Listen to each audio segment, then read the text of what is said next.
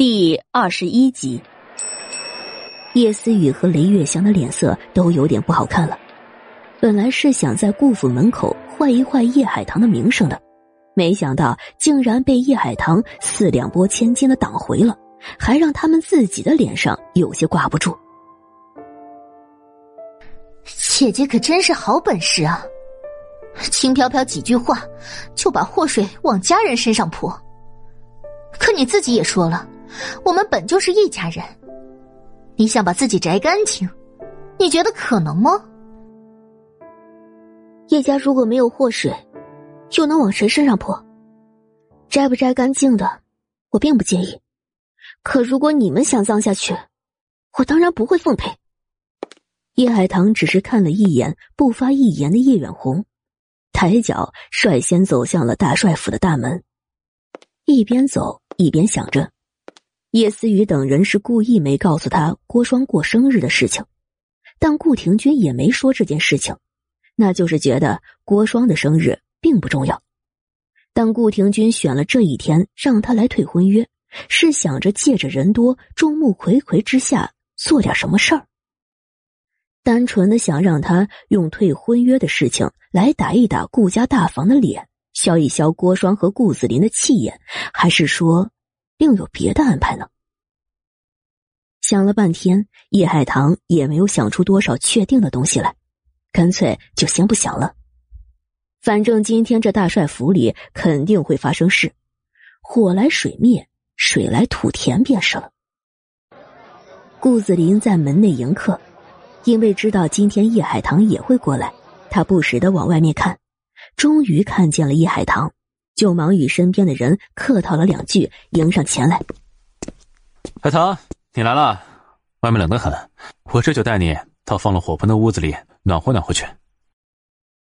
顾子林穿了新衣，头发梳得整整齐齐的，脸上满是笑容，伸手就想抓叶海棠的手，叶海棠却往后退了一大步，拉开了两人的距离。顾子林的手就有些尴尬的停在了半空中。二少帅。如今你我的关系，怕是不适合走得太近，容易引起别人的误会。还有，你的未婚妻和孩子在后面，你去接他们更合适。叶海棠眼角的余光瞥见一个年轻的副官，想了下，高声喊道：“赵副官。”赵继转过身，见是叶海棠，就迈着稳健的步子过来，当众朝着叶海棠敬了礼，才打招呼：“叶大小姐好。” 瞧你，我又不是你们大少帅，你给我进了哪门子礼？我可受不起。我今日过来是来退婚约的，这眼看大帅夫人的宴席要开始了，为了不耽误宴席，不影响到大帅夫人生辰宴的心情，还得麻烦赵副官给我带带路。我去找大帅和大帅夫人，将事情先办妥了。叶大小姐是大少帅的救命恩人，也是大少帅心仪之人。我身为大少帅的下属。理应向叶大小姐敬礼。至于退婚的事情，叶大小姐，大少帅说了，这件事他已经和大帅说好了，让你先安心吃大宴，到时候大帅会亲自给你一个交代的。周围注意到这边动静的人，这会儿都张着耳朵听着。赵继的举动和话，又给他们提供了几条信息，让他们流露出不可思议的神情。这叶大小姐今儿是来退与二少帅的婚事的，可是怎么又成了大少帅的心仪之人了？那活阎王竟然也会有心仪女子？还有，大帅要亲自给叶海棠交代，那就是顾家其实并没有放弃叶海棠，总不会是这二儿媳妇儿真要变成大儿媳妇儿了吧？哦，原来大帅已经有安排了。那我听大帅的就是。那你们大少帅在哪儿？我知道他喜欢安静，刚巧我也不大爱凑热闹，我先去找他。嗯，下下棋，聊聊天什么的。海棠，你未免也太高看大哥了吧？他就是个兵痞子，哪里会下棋？你还想和他下棋聊天，就不怕他一个发狂把你给？二少帅。没等顾子林将话说完，叶海棠的脸色就是一沉，你以为谁都像你一样，见到女人就走不动路？顾子林皱紧了眉头。海棠，你，我是为你好，是吗？好到没成亲，就搞大叶思雨的肚子。海棠，是我对不住你，但我不是跟你说过了吗？我也是有有苦衷的。顾子林捏了捏拳头，被当众揭不光彩的事，他还能忍住，也算有能耐了。把你的苦衷去跟叶思雨说吧。叶海棠扔下一句话，就往前走。叶大小姐，大少帅在西院，属下带您过去。其实我们大少帅是会下棋的，二少帅是不知道，什么围棋、象棋、连珠棋，大少帅都会的。顾子林气得抬脚就想跟过去，却被已经过来的叶思雨给拉住了。子林哥，你站在门口是可以来接我的吗？叶思雨上来就抱紧了顾子林的手臂，满脸笑容。你对我可真好。刚刚顾子林和叶海棠之间的对话，他不是没有听见。也不是没看见顾子林眼里对叶海棠的热切和后悔，这让他恨得差点咬碎了一口牙。但他知道，这个时候要忍，他要讨好顾子林，让众人相信他和顾子林情深意重。等到计划顺利完成，叶海棠被毁了，声名狼藉了，什么大少帅、二少帅都不可能再多看叶海棠一眼。想到这里，叶思雨还空出一只手来，拉着顾子林的手往自己的肚腹处摸。子林哥，我今天早上的时候感觉到我们的儿子动了呢，你摸摸看。说这话的时候，叶思雨高高扬起了下巴，一副怀了顾子林的种就成了整个顾家的大功臣，就要被在这里的所有人羡慕、仰望和尊重的姿态。谁知，顾子林的手刚挨着叶思雨的衣服，就像是摸到了什么令他嫌恶的脏东西似的，猛地甩开了叶思雨的手。叶思雨，你胡说八道些什么？这种事你也好意思说出来？别忘了，我们还没有正式成亲，你就跑到顾家来，你不要脸，我还想要脸！顾子林厉声呵斥着，眼见叶思雨又要抱上来，还猛地后退了好几步。拉开了两人的距离。叶思雨，当初海棠坠了江，我伤心欲绝。要不是你趁虚而入，没脸皮的勾引我，我怎么可能会和你在一起？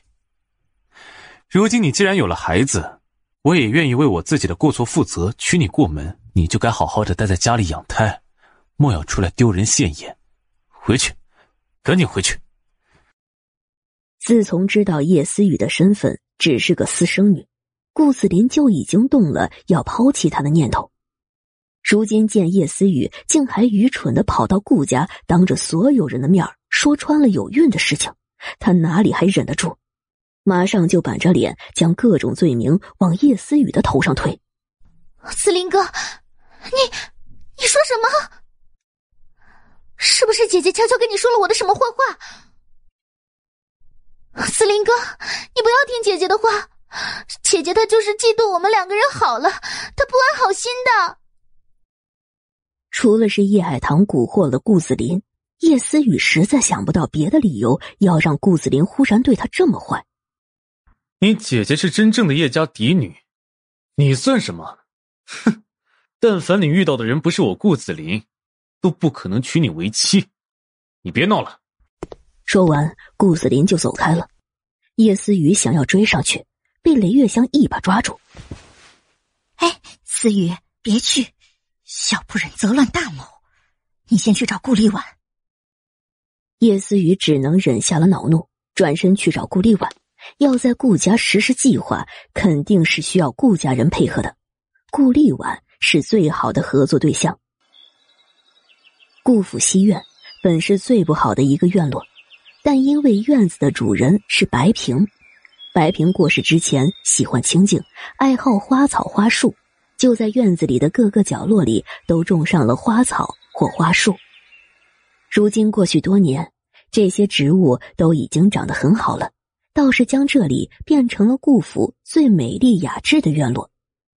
即使在冷天，也绿意盎然，开满一束束的花，空气里都散发着甜甜的香味儿。第二十二集，今日无风，还有一轮暖阳，光线并不强烈，天地间一片明亮。顾廷君让人在院里的花树下烫了酒，自己就歪在一张长椅上，将手放在炉子的上方烤暖和。他今日难得的穿了一身长衫，月牙白的底，上面水墨画一丛修竹，外面随意的披着一件黑色的袍子，仍给人一种冰凉又慵懒的感觉。叶海棠一跨进院门，他就抬起了那一双深邃的黑眸，视线落到他的眼睛上，嘴角就勾起了一抹弧度。来的晚了些，等你好久了，过来陪我喝一杯。叶海棠看了烫的酒一眼，又看向桌面上的几盘小菜。前面在摆大宴，他却在这里开小灶。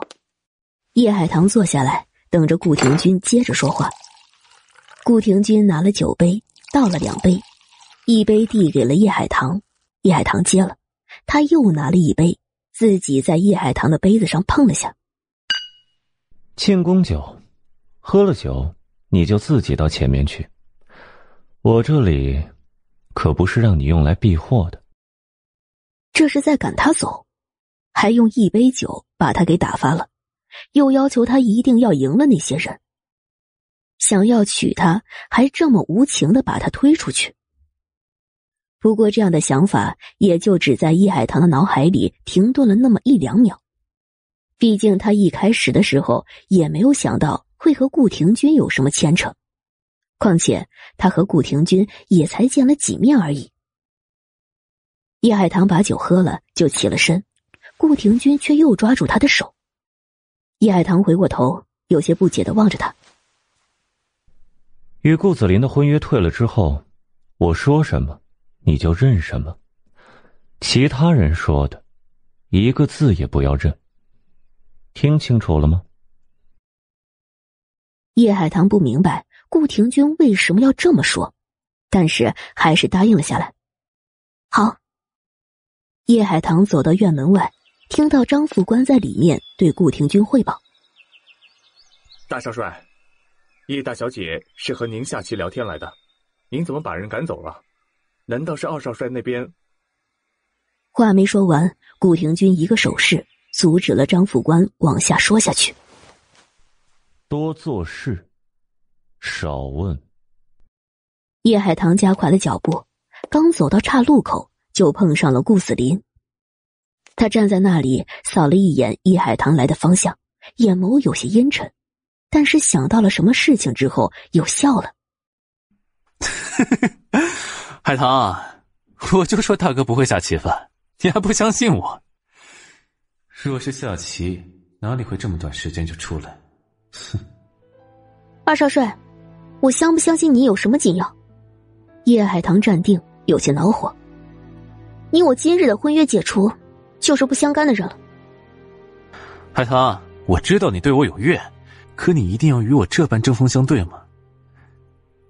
你一失踪就是三年，整个襄城的人都说你死了，叶家的人，包括你的亲生父亲也一口咬定你死了。我倒是起过想要去地府找你的心思。但是我还是叶家的少帅，还是母亲的儿子，我身上还有责任，我不会舍下他们。你自小就对你那二妹妹好，她在我意志消沉的时候过来陪我，我也是利用她来寄托对你的私情。那孩子也是我意外醉酒后才有的，我当真是有苦衷的呀！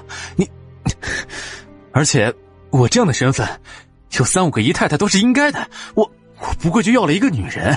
最多是因为这个女人是你家的妹妹，让你舍了脸面。可你若是果真介意，只要你愿意原谅我这一回，我可以与父亲、母亲说清楚，我的婚约不解除。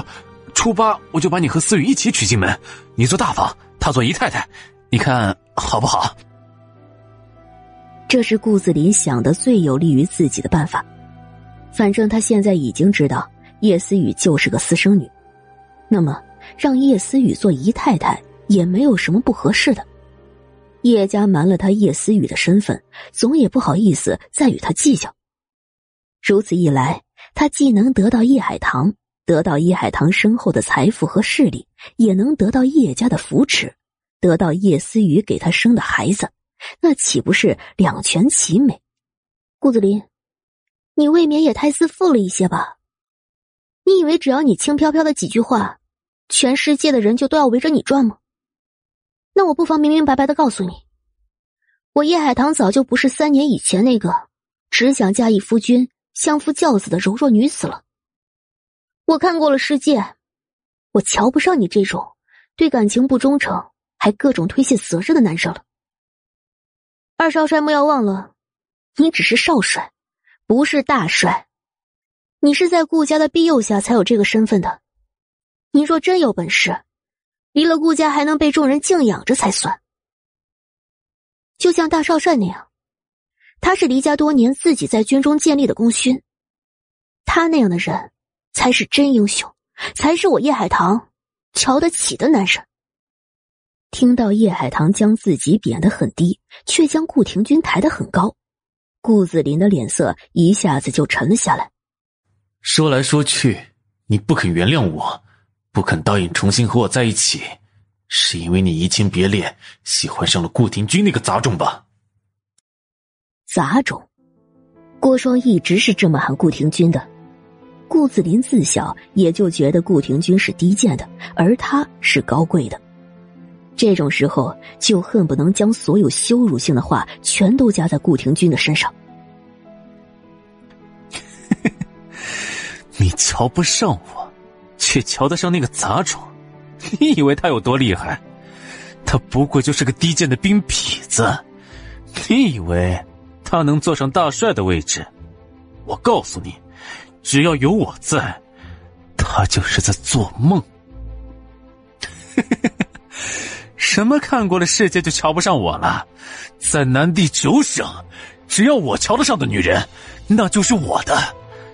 你从前就是我的，现在和将来也必须是我的，我的。顾子林忽然扑上前，捏住了叶海棠的肩膀，就往他的唇上亲过来。叶海棠忙将头一偏，就被他亲在了头发上，这惹怒了叶海棠。他抬起一巴掌，狠狠的甩在了顾子林的脸上。顾子林，你无耻！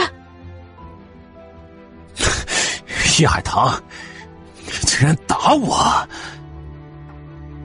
顾子林用手背碰了一下自己的脸，火辣辣的痛，顿时理智全无，又朝着叶海棠扑过来。这个从前他瞧不上的女人，竟然真的敢如此的嫌恶他，那么他就非得要得到不可。他一双手按住了叶海棠的脸，气愤的亲下去。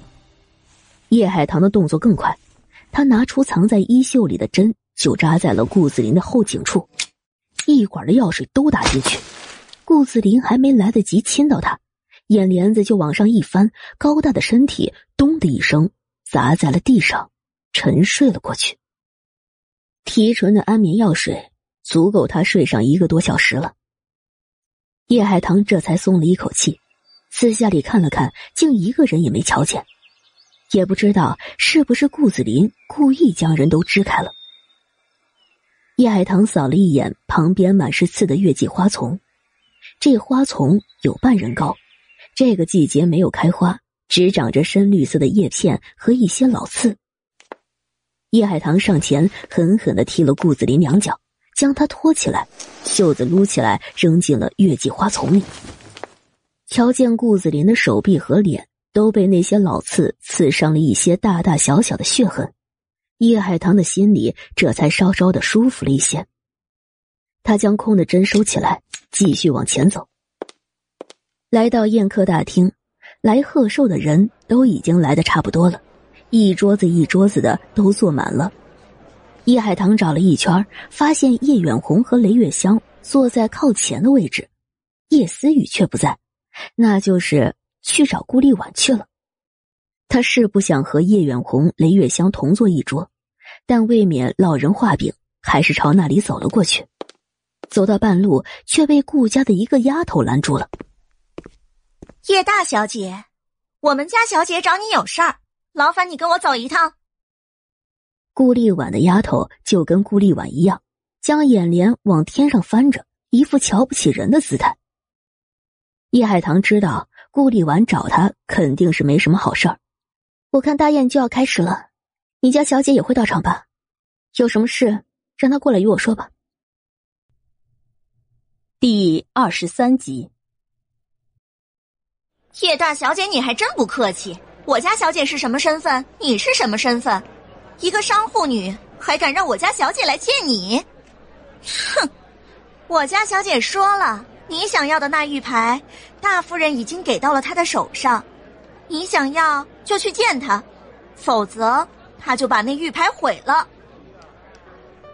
叶海棠想了一下，玉牌毁了其实不打紧，不过是个物件。只要大帅当众亲口说出他与顾子林的婚约解除了，任何人都不能再拿这桩事儿说什么了。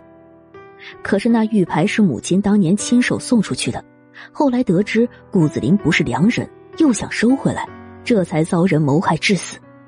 所以他得将玉牌拿回来，送到母亲的坟前，才能告慰母亲的在天之灵。想到这里，叶海棠答应：“好，我跟你去。”他倒是想看看顾立婉和叶思雨要搞什么鬼。那就赶紧走，别耽误了。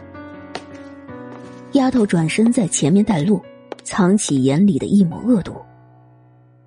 离开热闹的宴客大厅，丫头带着叶海棠往东院去。叶海棠细细的记下了来的路线，也知道丫头带他走的都是小路，更是打后门进的东院。最后，丫头将叶海棠带到了一处门前，指着里面：“喏，我家小姐就在里面等你，你快进去吧。”这里似乎是顾府主院，顾立婉不是住这个院子吧？如果他没记错，三年前顾立婉是住南院的。你怎么那么多废话？我家小姐想在哪里见你就在哪里见你，你想要那玉牌就进去。叶海棠将丫头的微表情收在了眼底，藏在衣袖下的手抓紧了枪，转身进了门。谁知道他刚迈步进去，那丫头就猛地在他身后推了一把。他一时不防，踉跄着往前好几步来控制平衡，再转过身，却发现门已经关上了，外面还传来了落锁的声音。还敢跟我家小姐作对，不自量力！你就在里面好好享受享受我家小姐和思雨小姐送给你的大礼吧。感觉到身后有脚步声靠近，叶海棠猛地转过身，并且毫不犹豫的亮出了自己的枪。但是屋子里却同时有八杆长枪对准了他。叶大小姐，别动，否则你这条小命可就没有了。叶海棠的心往下一沉，失算了。他没想到顾立婉和叶思雨竟然真敢在主院对他下这种手。这一排排的书和宽大的书桌，一看就是大帅的书房。那拿枪的八个士兵应该是顾立婉派来的人，还有四个没拿枪的，应该就是叶思雨的人了。你们想对我做什么？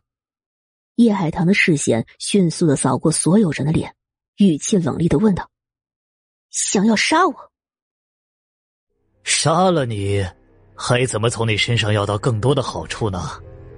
思雨小姐可说了。”将你送给我们，先让我们好好的享受一番。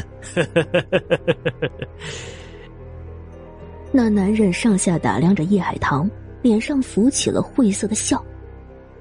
叶大小姐脸蛋好，身材也好，听说这三年在外面勾引了一个又一个的权贵富商，才换了一身金光回来，想必是有些讨男人愉快的花样的。那就好好的伺候伺候我们这些人吧。嘿嘿，大哥说的没错，叶大小姐，你今天是逃不掉的，赶紧把你的枪交出来，再乖乖脱了衣服躺下。原来是打着要毁他清白的主意。不得不说，对女子来说，这的确是最简单、最狠毒的方式。顾立婉和叶思雨给了你们多少钱？我加倍给。叶海棠没有将手里的枪放下，而是拉开了与这些人谈判的架势。那四个人，你看看我，我看看你，都没有表态。如果我没有猜错，这里是大帅的书房重地，闲人免入。可顾立婉和叶思雨让你们到这里来毁了我，就算你们真的成功了，难道还能离开这里吗？这八个手里握着杀气的士兵，难道就不会将枪口？对准你们。这话音刚落，那八个士兵的表情都有些或大或小的变化。顾立婉给他们下的命令，的确是等这几个男人将叶海棠的清白毁了，就将人给杀了。到时候就污蔑叶海棠伙同这四个男人来大帅的书房快活，还偷走了重要的情报。结果被顾立婉的丫头看见，把门给锁了，知道逃不出去了。叶海棠为了掩盖自己的秘密，将这四个人都杀了，却惊动了府兵，被府兵冲进来包围了。这样一来，叶海棠不仅成了被玩烂的烂货，还成了威胁南地九省安稳的细作。而顾府的府兵却抓住了他，最终的结果就是顾府有功，叶海棠声名狼藉，生不如死。还有你们。叶海棠又看着那八个士兵，你们也不过是一群蠢货。如今大形势是，各方势力交错盘踞，谁又知道襄城有多少势力派过来的细作？大帅的书房，连大少帅和二少帅都不能轻易的进来，你们不过是小兵就敢踏进来，难道就没有想过，只要你们在众人面前露了脸，被大帅记住了你们的名字？往后只要是这书房出了事，你们都要受到牵连。只要乱世未结束，你们都将不得安宁。躲得过一次，有把握躲得过第二次、第三次、第无数次吗？这几个士兵听了这话，都有些犹豫了。那四个人中，唯一一个没有说话的男人，眼眸一沉：“别听他鬼扯。”你们别忘了，你们的家人可都在顾小姐手上。如果不听顾小姐的话，你们家人的性命是不要了吗？思雨小姐已经答应了我，只要我们按照她和顾小姐的计划行事，毁了叶海棠这个贱丫头，我们是不会有事的。这个人在叶思雨勾搭上顾子林以前，就是叶思雨的情人，他对叶思雨很好，自以为叶思雨绝对不会害他。所以打定了主意要帮叶思雨对付叶海棠，却不知道叶思雨就是想趁此机会一箭双雕，既利用他毁了叶海棠，也利用叶海棠杀了他，让这世上再无人晓得他还有这么一个情人，从此就能高枕无忧的坐上二少帅夫人的位置。他不肯乖乖就范，我们就一起上去，扒了他的衣服。狠狠的教训这贱丫头！他就不信叶海棠真的敢对谁开枪，除非他真的不要命了。这男人最先朝着叶海棠扑了过来，其他的三个人也不管不顾的扑了过来。叶海棠的确没有开枪，但他忽然朝着一处窗户看了一眼，什么人？所有人的视线瞬间都朝那里看了过去。叶海棠却借此机会拿出一样东西，在地上狠狠的一砸。那是一枚烟雾弹，撞击过后马上就燃烧了起来，浓烟在几秒钟之内弥漫了整个屋子，根本看不清楚谁是谁了。然后，叶海棠的身形快速的在烟雾里移动，手上的枪已经收了起来，变成了一把削铁如泥的刀子，逮住了一个人，就朝着脖子处干脆利落的一刀子下去。他学医，知道从什么角度下刀子，下多深的刀子能够一刀就要了人的性命，而且被杀的人连喊一声都来不及。一个，两个，三个，他数着解决掉的敌人，同时计算着烟雾弹的时间。因为要提高烟雾弹的效果，就加了些别的东西，短时间内烟雾会更为浓郁，但时间长了，就算再秘密的空间里，微小的粉尘降落在地面，烟雾也会开始变淡。而他必须在烟雾变得淡的时候，能够看清人脸之前，解决掉至少一大半的危险。血的腥味儿不断的冲进鼻端，叶海棠仿佛回到了在国外接触特殊训练的日子。第二十四集，他有仇敌，异父异母也有不少仇敌，所以不管是作为异父异母的女儿，还是相城的叶海棠，他都要有足够的自保能力。他亲手制造出的这种特殊的烟雾弹，也一次又一次在这烟雾弹中训练，在烟雾中，他的视力比常人要好很多。但就算这烟雾中混了香味儿。能够遮掩一部分的血腥味杀了五六个人之后，血腥味重了，也让剩下的那些人闻到了，所有人都慌了起来。他在哪里？死了没有？为什么会有血腥味？是谁死了？谁？剩下的人都慌了，尤其是那些拿着长枪的人，他们开始胡乱的开枪。叶海棠这时发现，士兵的枪都经过了特殊的消音处理。子弹打出来有些声响，但响动很小，几乎传不到门外去，就更别说能传到院外去了。顾立婉和叶思雨为了对付他，还真是煞费苦心。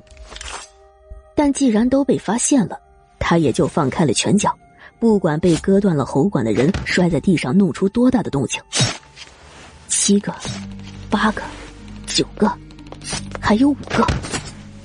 叶海棠一边闪躲着士兵胡乱射出来的子弹，一边加快了速度收割人命，但是还是无可避免的中了枪。一颗子弹飞过来，钻进了他拿刀子的手臂，他痛得手一抖，刀子当的一声就掉在了地上。他正要杀的人，却因为烟雾渐淡而看清了他，大叫一声：“是叶海棠，他要杀我！”叶海棠在哪里？啊？快抓住他！子弹瞬间都朝着声音的方向扫射过来，叶海棠连忙趴在地上，那些子弹就将发声的男人打成了筛子，鲜血飞溅，有些溅到了叶海棠的脸上，让他无比的厌恶。他捡起刀子，一刀子扎在了一个士兵的膝盖上，那士兵咚的一声跪在地上，正好方便他割断士兵的脖子。十一个，还剩三个。但是烟雾变得更淡了，淡的能够完全看清楚。他在这里，是他在杀人！快，一起上，杀了他！叶思雨的人还剩下一个，顾立晚派来的士兵还剩下两个，三个人都看清楚了叶海棠，一起围了上来。叶海棠马上拿起刚杀的士兵的枪，朝着其中一人开了枪。他的枪法很好，即使在这种危急之后，也是百发百中。又将手里的刀子扔出去，一刀刺进了另外一人的心脏。最后活着的男人，也就是叶思雨的那个老情人，却已经拿了一把刀子，压在了叶海棠的脖颈上。别动，把双手给我举起来！莫大的危机感来临，叶海棠的心沉了沉，只能将双手都举了起来。那男人将叶海棠身上的枪搜了出来，夺了过去。该死的贱丫头！没想到你竟然有这么好的身手，是思雨低估了你。但是你现在落到了我的手里，我要你死！叶海棠的心猛地一沉，心里起了一阵绝望。不仅叶思雨等人低估了他，他也低估了叶思雨和顾立婉的狠毒与大胆。他们竟然真敢在顾家，在大帅的书房对他用这种毒计？难道？他今天就要死在这里了吗？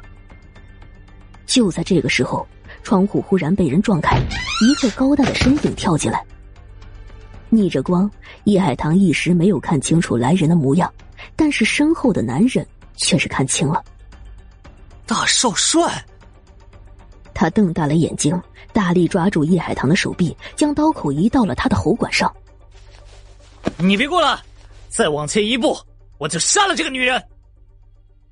是顾廷钧来了，烟雾淡的只剩下薄薄的一层了。叶海棠终于看清楚了顾廷君，他的身上竟然也有血，但是并没有看见有伤口，那血该不是他的。顾廷君的脸色一片黑沉沉，气息阴冷，整个人果真像极了从地狱里来的阎王。你最好马上放人，否则，我保证你一定会死得很惨。顾廷君的话一说出来，叶海棠就感觉到身后男人的身体颤抖了起来，显然是怕了，但是却咬牙坚持。难道我放了人，你就会放过我吗？他就算没有和顾廷君交过手，也听说过活阎王、南地求生。不，只要是与顾廷君交过手，或者说是听过他的人，谁不怕他忌惮他？当然不会，你依然会死得很惨。顾廷君继续往前，一点都不在意男人的威胁般。我顾廷君的女人，便是被动了一根头发丝儿，我也要那个人付出惨痛的代价。严子文，你触到了我的逆鳞，只有死，没有生。不要过来！你不要过来！严子文的身体抖得更加厉害了，刀口在叶海棠细嫩的脖子上压出一条血口子。有些疼，但是叶海棠一声都没吭。严子文拿他来威胁顾廷君，但是他知道顾廷君不是个会接受威胁的人。强者尚且不能威胁他，更何况是这么一个被叶思雨耍的团团转还不自知的蠢货。顾廷君的步子没有停，每一步都走得很稳。那冰冷阴寒的威压吓得严子文脸色惨白。挟持着叶海棠，不断的往后退，直到退到了墙壁处，退无可退。不，我不想死！严子文忽然扔下手里的刀子，扑通一声跪在了地上，竟是被顾廷君吓得完全怂了。大少帅，我不杀叶海棠了，你也别杀我，你饶了我！我是严家的少东家，我很快就会继承家业，到时候你想要什么，我一定帮你达成。你饶我一命，我还年轻，我还不想死。严家，哼，不过是一个不入流的小家族。你以为我说要你死，只是说说而已？他顾廷君说出口的话。从来都不会收回。不过，我今天倒是可以给你一个机会。你却当着所有人的面，将这里发生的事情说清楚。如果说不清楚，你严家也就没有存在的必要了。你，你要对付整个严家？严家又没有得罪你，你凭什么对付整个严家？我的女人不曾得罪过你，你却对她下毒手。叶海棠这野丫头欺负思雨，她死都死了，不该活着回来。她得罪了思雨，就是得罪了我。所以，你欺负了我的女人，得罪了我，就是你严家得罪了我。你该死，严家也不该活。你，我是不会出卖思雨的。思雨是我喜欢的女人，男人保护自己的女人是天经地义的，我绝对不会出卖思雨的，绝对不会。说的还挺大义凛然的，好像你这种既贪生怕死，又舍不得钱财的怂货是个好男人似的。叶海棠冷笑了一声，捡起地上严子文的刀子，眼睛都没有眨一下的就割断了严子文的手腕血管，血喷涌而出。已经走近的顾廷君忙侧身闪躲，严子文痛喊了一声，压住了那一块，却发现那血还是从指缝里不断的往外流。我是学医的，割断了你的大血管，血管不缝合，等血流的多了，神仙都救不了你。我是死过一次的人，谁敢再威胁我的命，我就先送谁下地狱。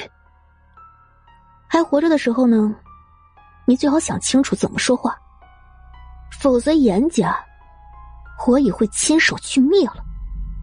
此次是他大意了，竟差点栽在这些人的手上，他心里恨意滔天，一点都不想对这些人仁慈。顾廷钧扫了叶海棠一眼，眼里流露出一丝丝的惊讶，随即垂下了眼皮，不再说话。第二十五集，外头却传来了声音：“就在前面了，这里是我父亲的书房。叶海棠那个不要脸的贱丫头，竟然带着野男人在我父亲的书房做那等龌龊的事，今天非要剥了他的皮，将他装进猪笼子沉江不可。”脚步声杂乱，来的人很多。叶海棠一惊，这些人竟来的这么快。他有些慌，抬头看了一眼顾廷钧，眼里有征求他的意思。顾廷钧却淡定的很，他转了身，坐在了距离他最近的一把椅子上，又从口袋里拿出一方白色的帕子，将一条腿抬到另外一条腿上，开始擦起军靴上的血。这屋子里死了这么多人，地上都是一滩滩的血。他刚刚走过来，靴子上沾了血。叶海棠只看了他一眼，就继续盯着严子文。那些人已经到了，他现在也跑不出去了。顾廷钧没动，他也不必动。这门是怎么锁上的？叶海棠当真在里面？是我的丫头锁上的。我丫头亲眼看见叶海棠带着四个男人进去鬼混，怕人跑了，就把门给锁上了。钥匙拿了，打开。门外面一阵细碎的声响后，锁开了。两个丫头一起将两页门推开，打开到了最大的程度。这是顾丽婉吩咐的，就是为了让所有人都看清楚叶海棠狼狈不堪的样子。闻到屋子里传到鼻端的血腥味。顾丽婉的心头大喜，以为自己和叶思雨的计划已经成功了，连看都没往屋子里看一眼，就转过身来看着大帅和郭双。父亲、母亲，你们都看到了吗？叶海棠就是一个既放荡又狠毒的婊子，他趁着我们所有人都在前面大厅里，跑到这里和野男人鬼混，知道自己跑不掉了，还将那四个男人给杀了，而且。思雨还得到确实的消息，叶海棠其实是个间谍奸细。他这几年在外面，不知道跟了几个男人，早就坏了良心。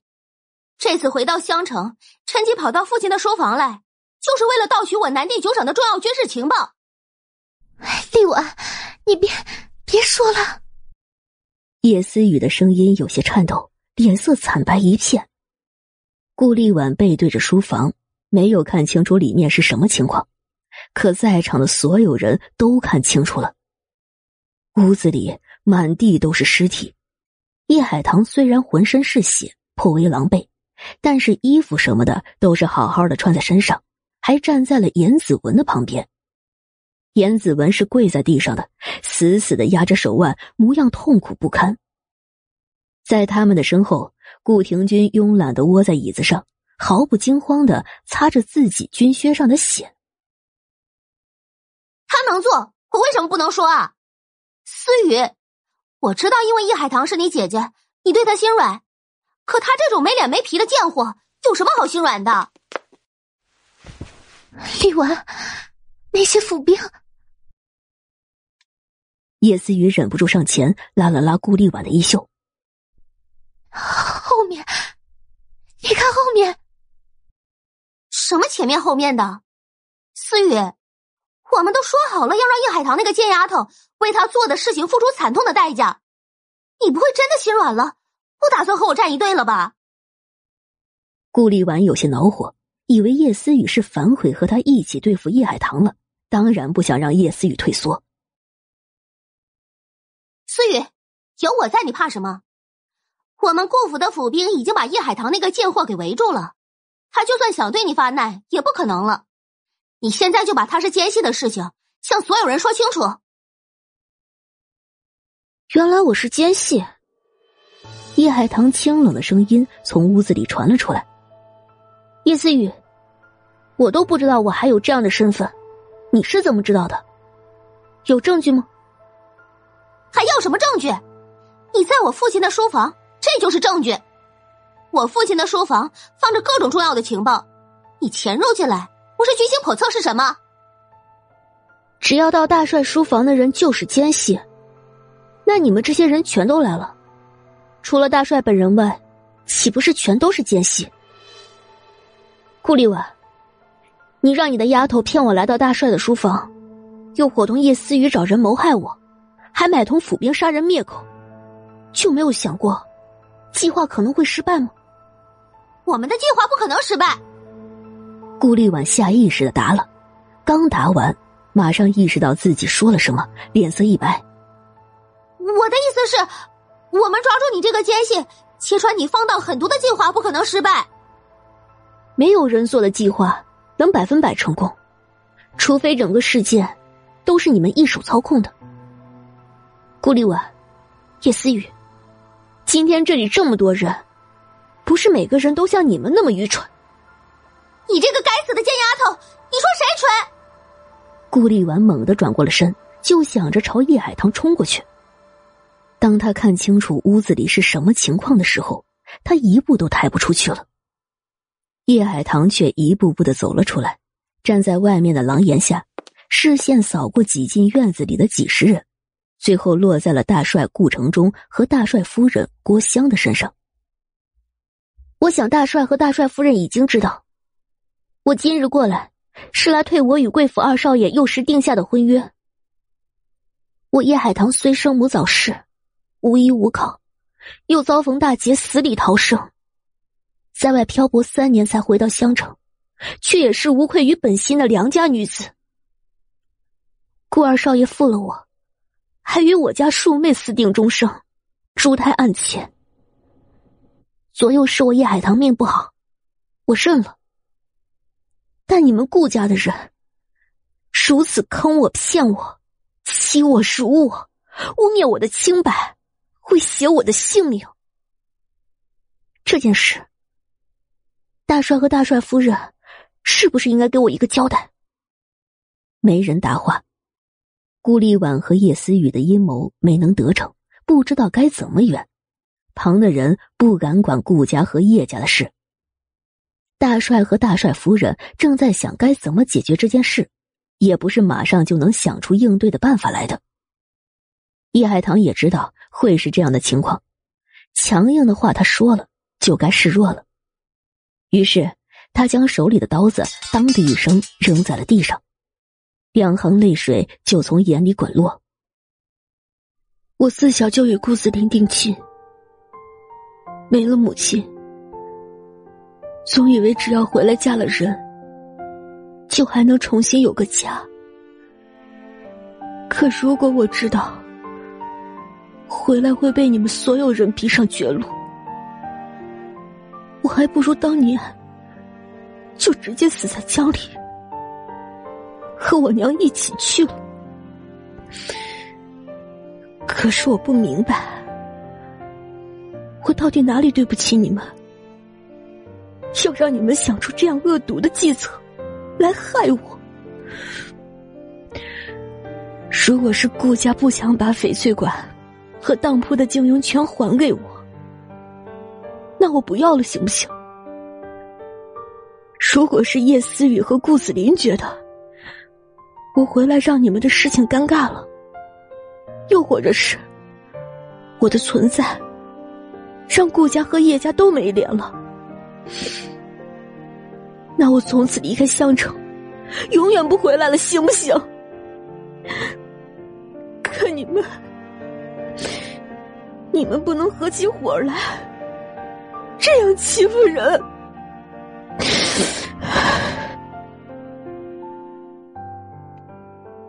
叶海棠哭得很是伤心，也引起人群开始议论。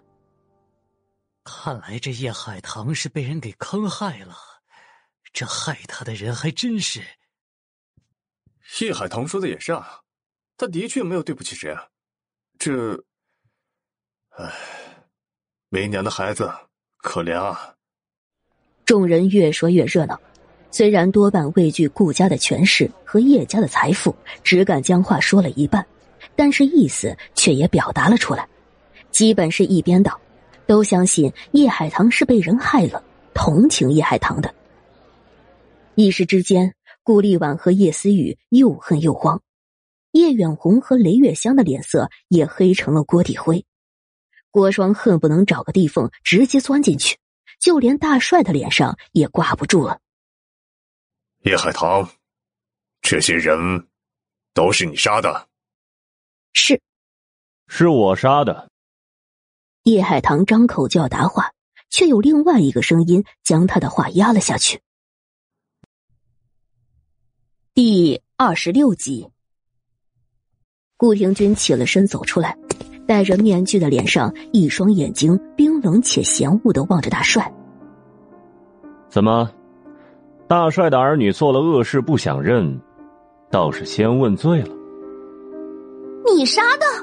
怎么可能是你杀的？顾廷钧，你又帮叶海棠这个贱丫头，你眼睛是瞎了吗？就这种放荡又狠毒的下贱货，你为什么要帮他？是顾廷钧，一定是顾廷钧坏了我和叶思雨的计划。该死的，可不是派人对付顾廷钧了吗？他怎么还能出现在这儿？怎么还能来帮叶海棠？叶海棠在我娘的生辰宴上杀害我顾家的府兵，他该死！顾立婉说着，忙转过身，一把抓住了郭双的衣服。娘，你让父亲弄死那个贱丫头，马上弄死那个贱丫头！光天化日之下，这个贱丫头就敢杀人放火，她该死，该死！对弄死叶海棠，只要叶海棠死了，就可以说这一切都是叶海棠的罪。只要叶海棠死了，他的计划就成功了。她是顾家的小姐，谁敢再说她半句不好？此时此刻，顾立婉的脑子里满是疯狂。别说了，郭双恨不能把顾立婉的嘴巴给缝起来。如果只有顾家和叶家的人在场，这样的话。说了也就说了，可如今有这么多的外人在场了。丽婉呐，看来你是听不懂人话。我说人都是我杀的，你不信？顾廷钧的视线在众人脸上一一扫过。你们也不信？哼，那也无妨。再杀一个，让你们瞧瞧就是了。这不，那儿还有一个活着的呢。他说完，转身回到屋子里，将严子文的衣领一揪，就提了出来，扔在了地上。谢玄，把你的刀借我一用。在顾廷钧之后，大帅等人之前到来的是顾廷钧的两个副官，一个是赵副官，一个是谢副官。这谢副官用惯了大刀，除了腰里别着一把枪外，背上也常背着一把大刀。这会儿得了顾廷钧的吩咐，他马上就把自己的大刀拔出来，扔给了顾廷钧。顾廷钧稳稳的接住，眸光一寒，一刀就砍在了严子文的手腕处。这么想对人下毒手，还要手干什么？先扔了吧。一只断手落了地，血从断肢处喷涌而出。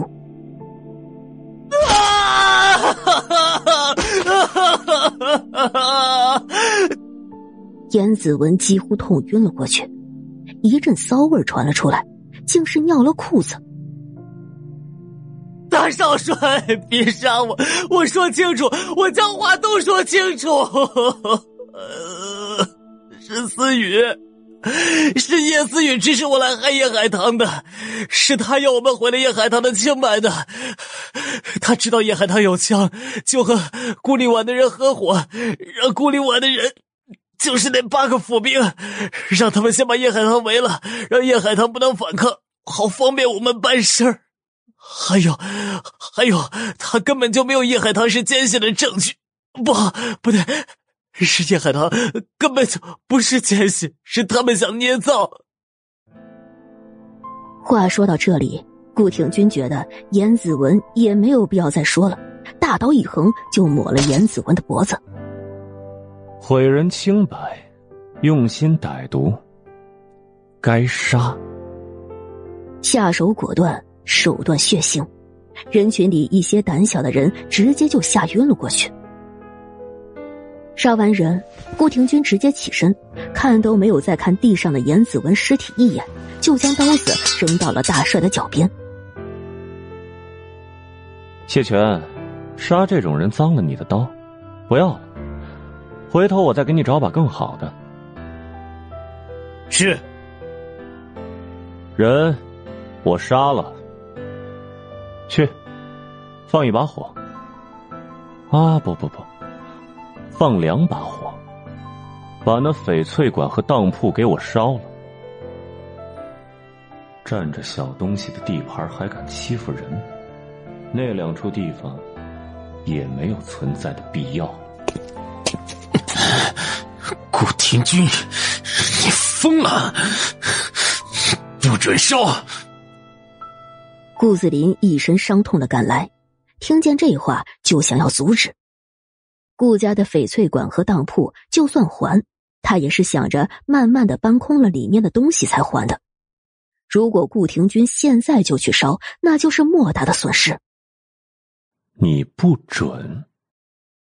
顾廷军的嘴角勾起一抹讽刺的弧度。哼，我的事需要你准。赵继转身就去办了，都没有问过大帅的意思。似乎只要顾廷军下了命令，即便是大帅也不能阻止。好了，现在杀人放火的事情我都做了，大帅要问罪，找我。顾廷军将视线落回到大帅的身上。哦，对了，我不仅杀了这里的人，我那个院子里还有一对，要不然让人扔过来一起算算。大帅沉默了片刻，转身看着院子里的人：“诸位，今日我家里出了事，不能留诸位吃饭了。改日，我在香云摆宴，给诸位赔罪。另外，关于今日我家里发生的事，还请诸位守口。”这是往外赶人的意思了，家丑不可外扬，也不宜让外人知道太多。但没等大帅将话说完，顾廷军又出声了：“哎，别往外赶人呐！都说天子犯法与庶民同罪，大帅说这样的话，难不成是想包庇自己家的人吗？”山儿，大帅的脸色黑沉到底。顾廷军字青山，小的时候大帅一直喊他山儿，但是也没喊过几次。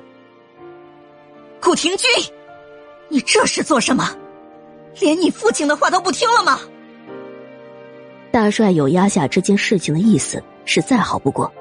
郭双现在也没有了过生日的心情，恨不能将知道这件事的人全都弄死在顾家。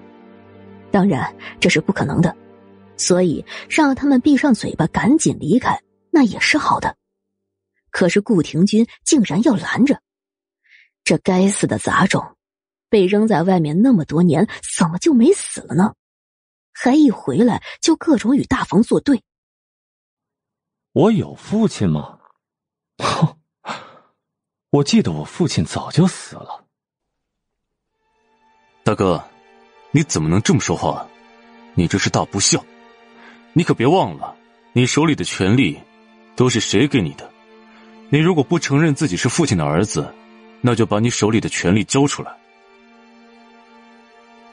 原来你多次派人杀我，是看上我手里的权力了。可要说我手里的权力是谁给的？哼，谁有脸说给了我什么？我顾廷君八岁亡母，九岁离家，十一岁入军营，从一个大头兵开始与敌人殊死拼杀。这南地九省的江山，有一大半是我打下来的。我手下的兵，是我一个个带出来的。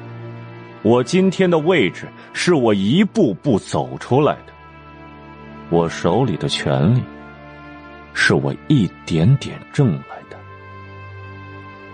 顾子林，我这种从阎王殿里拿回来的权利，你若是想要，也不是不能给。可是。顾子林，我敢给，你敢接吗？这番话说出来，别说是顾子林了，在场的所有人都是一声不吭。等了好一会儿，顾子林才冷着脸憋出了一句话：“我说不赢大哥，但大哥也别污蔑我。为什么我派人杀你？我没有做过这样的事，也不知道你为什么这么说。”顾子林转过身，忽然恶狠狠的训斥起叶思雨来：“哼，你说，海棠为什么会在我父亲的书房？嗯，你真的指使人想要毁了海棠的清白？”第二十七集，他积极的转移话题，是怕顾城中发现更多的端倪。这一次的刺杀，他是瞒着母亲做的。他以为顾廷钧已经经过一次追杀了，而且今日又是母亲的生辰宴，顾廷钧那边就必然会松懈些。没想到顾廷钧又一次好好的站在了这里，竟还想着将人都扔到父亲的面前来。不能让顾廷钧这么做，否则到时候一旦查出点什么，父亲肯定会偏向顾廷钧那边的。顾子林的心里恨极了。花大价钱请的杀手没能杀了顾廷钧，想要挽回叶海棠，还被叶海棠扔进了刺堆里，被顾廷钧压得死死的不说，还马上要失去翡翠馆和当铺。他这满腹的怨恨没地儿发泄，也只能拿着叶思雨开刀了。不，我没有，没有。叶思雨连连的后退，退到了雷月香的身后，挤出眼里的泪。看上去也可怜兮兮的。我什么都不知道。叶思雨低下了头，脑子却转得飞快。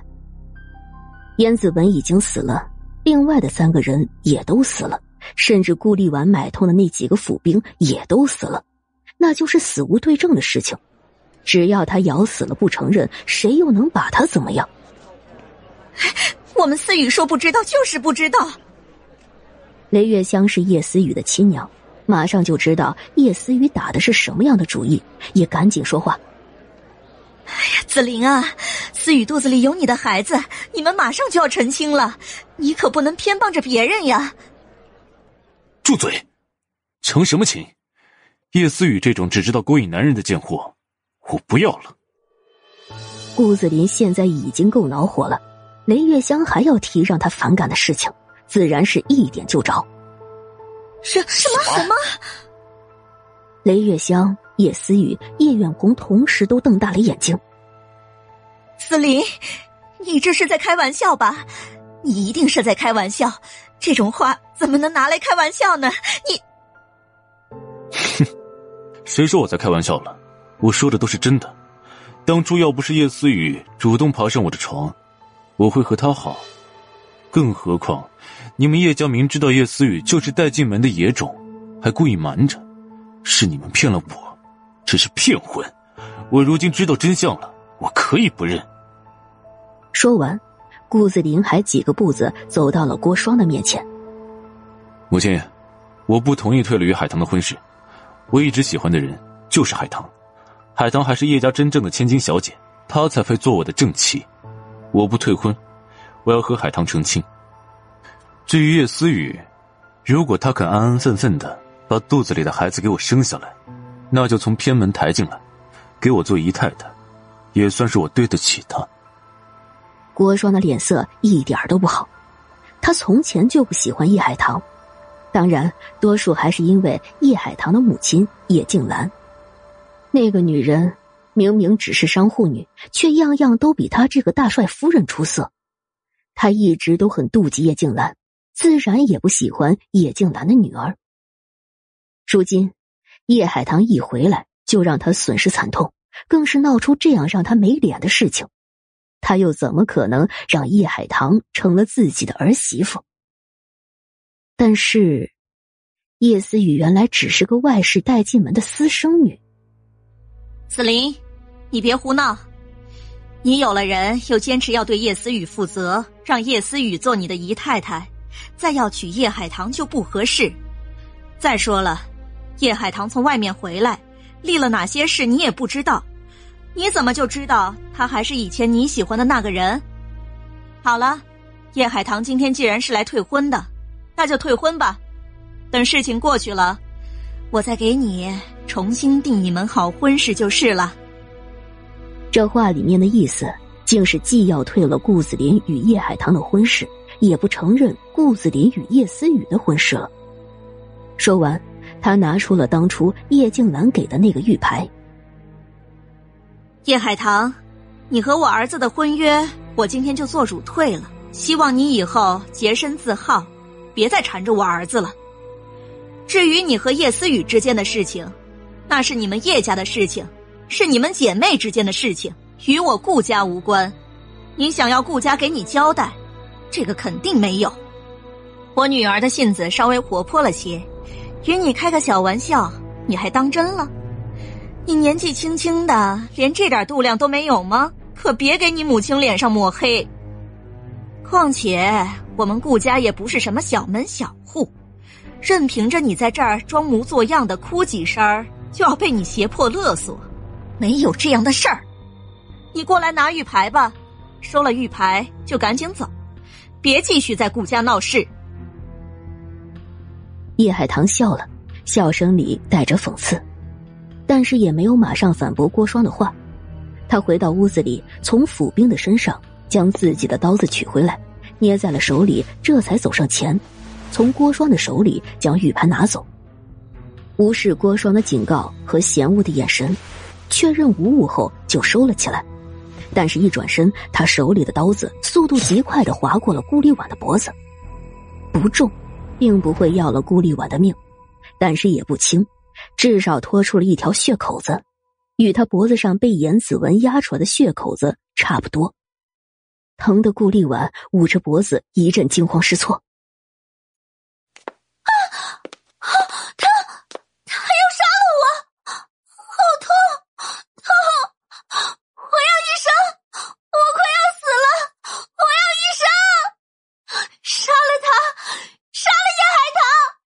啊！好痛啊！顾小姐慌什么？我不过是一时手滑，与你开个小玩笑，一条小口子而已，又不会死人。你这么鬼哭狼嚎的做什么？顾小姐年纪轻轻的，连这点胆色和度量都没有吗？可别给你母亲的脸上抹黑。说完，叶海棠又面向大帅，大帅。女人家的事情，本不该在您面前说。但我没有母亲，被人欺凌至此，也只好将话和您说清楚。我叶海棠，不是被你们顾家退婚的。你家的二少爷负我在先，是我退了你们顾家的婚事，是我不要顾子霖了。我都不要他了，又哪里会纠缠他？我母亲自小将我教养的很好，我很洁身自好，也不会像顾家的小姐一样，去污蔑谋害别人。有人欺负我，我能忍，但谁都有忍耐的极限。我是死过一次的人，我不怕死。但老天爷既然让我活着，我就不可能任由着别人将我害了。顾家不肯给我交代，眼泪无用。那我也不必委屈了，我自己来拿这个交代就是。今日我划了顾立婉一刀，这就是我要的交代。人我伤了，大帅想要怎么处理我，请便吧。说完，叶海棠就站在那里，一脸的大无畏。他当然也知道，就这样和大帅、大帅夫人正面对上是非常不明智的行为。但泥人还有三分尿性，他总比泥人还要强些，不可能一次又一次的被谋害了还要忍。反正今日人多，大帅也不能将他给杀了，最多下了大狱关起来。可他也不是没有倚仗的人，最多他提前将自己的倚仗抬出来那么一两个就是了。大帅顾城中的脸上也无可避免的有了震惊，似乎是没想到叶海棠竟敢这么跟他说话。他深深的看了看叶海棠，叶海棠，你不错，你在顾家遭遇谋害是我的责任。我没有管教好自己的儿女，让你受到了伤害。你可以管我拿这个交代，但父亲，你这个逆女，你给我住嘴！顾家对不起你，应该赔偿你。这样吧，顾家在城南有一座山，虽然不值什么钱，但山中有温泉，建了庄园，是你们年轻人喜欢去游玩的地方。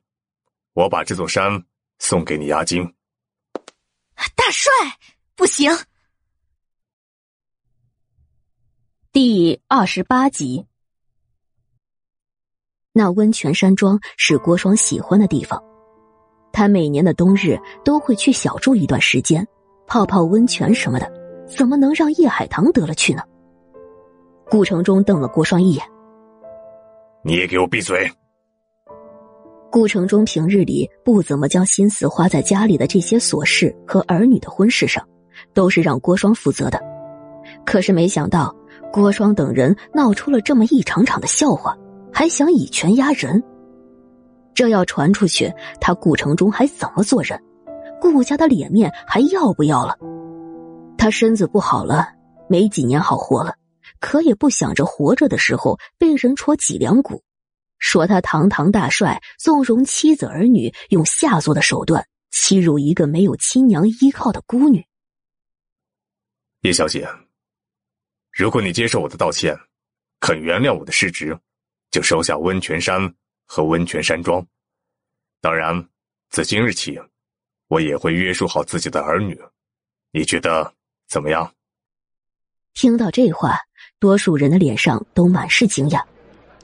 大帅竟然会承认自己失职，还送叶海棠一座温泉山庄，这是多大的脸面！叶远红更是情绪激动，没想到叶海棠冒犯了大帅，在顾府如此嚣张。大帅非但没有责罚他，还对他这么好，他心里想着自己是不是该从此对叶海棠更好一些，以至于完全无视了身边的雷月香和叶思雨。而是赶紧上前对叶海棠道：“海棠，你还不赶紧谢谢大帅？”又转过身看向顾城中：“大帅，你言重了。海棠这丫头自小跟着他娘在外面跑，性子都跑野了。这几年又去了国外，也不知道学了些什么东西，连人都敢打敢杀的。这也是我没管教好。我看今天的事情就这么过去了吧。”温泉山，这丫头也受不起啊！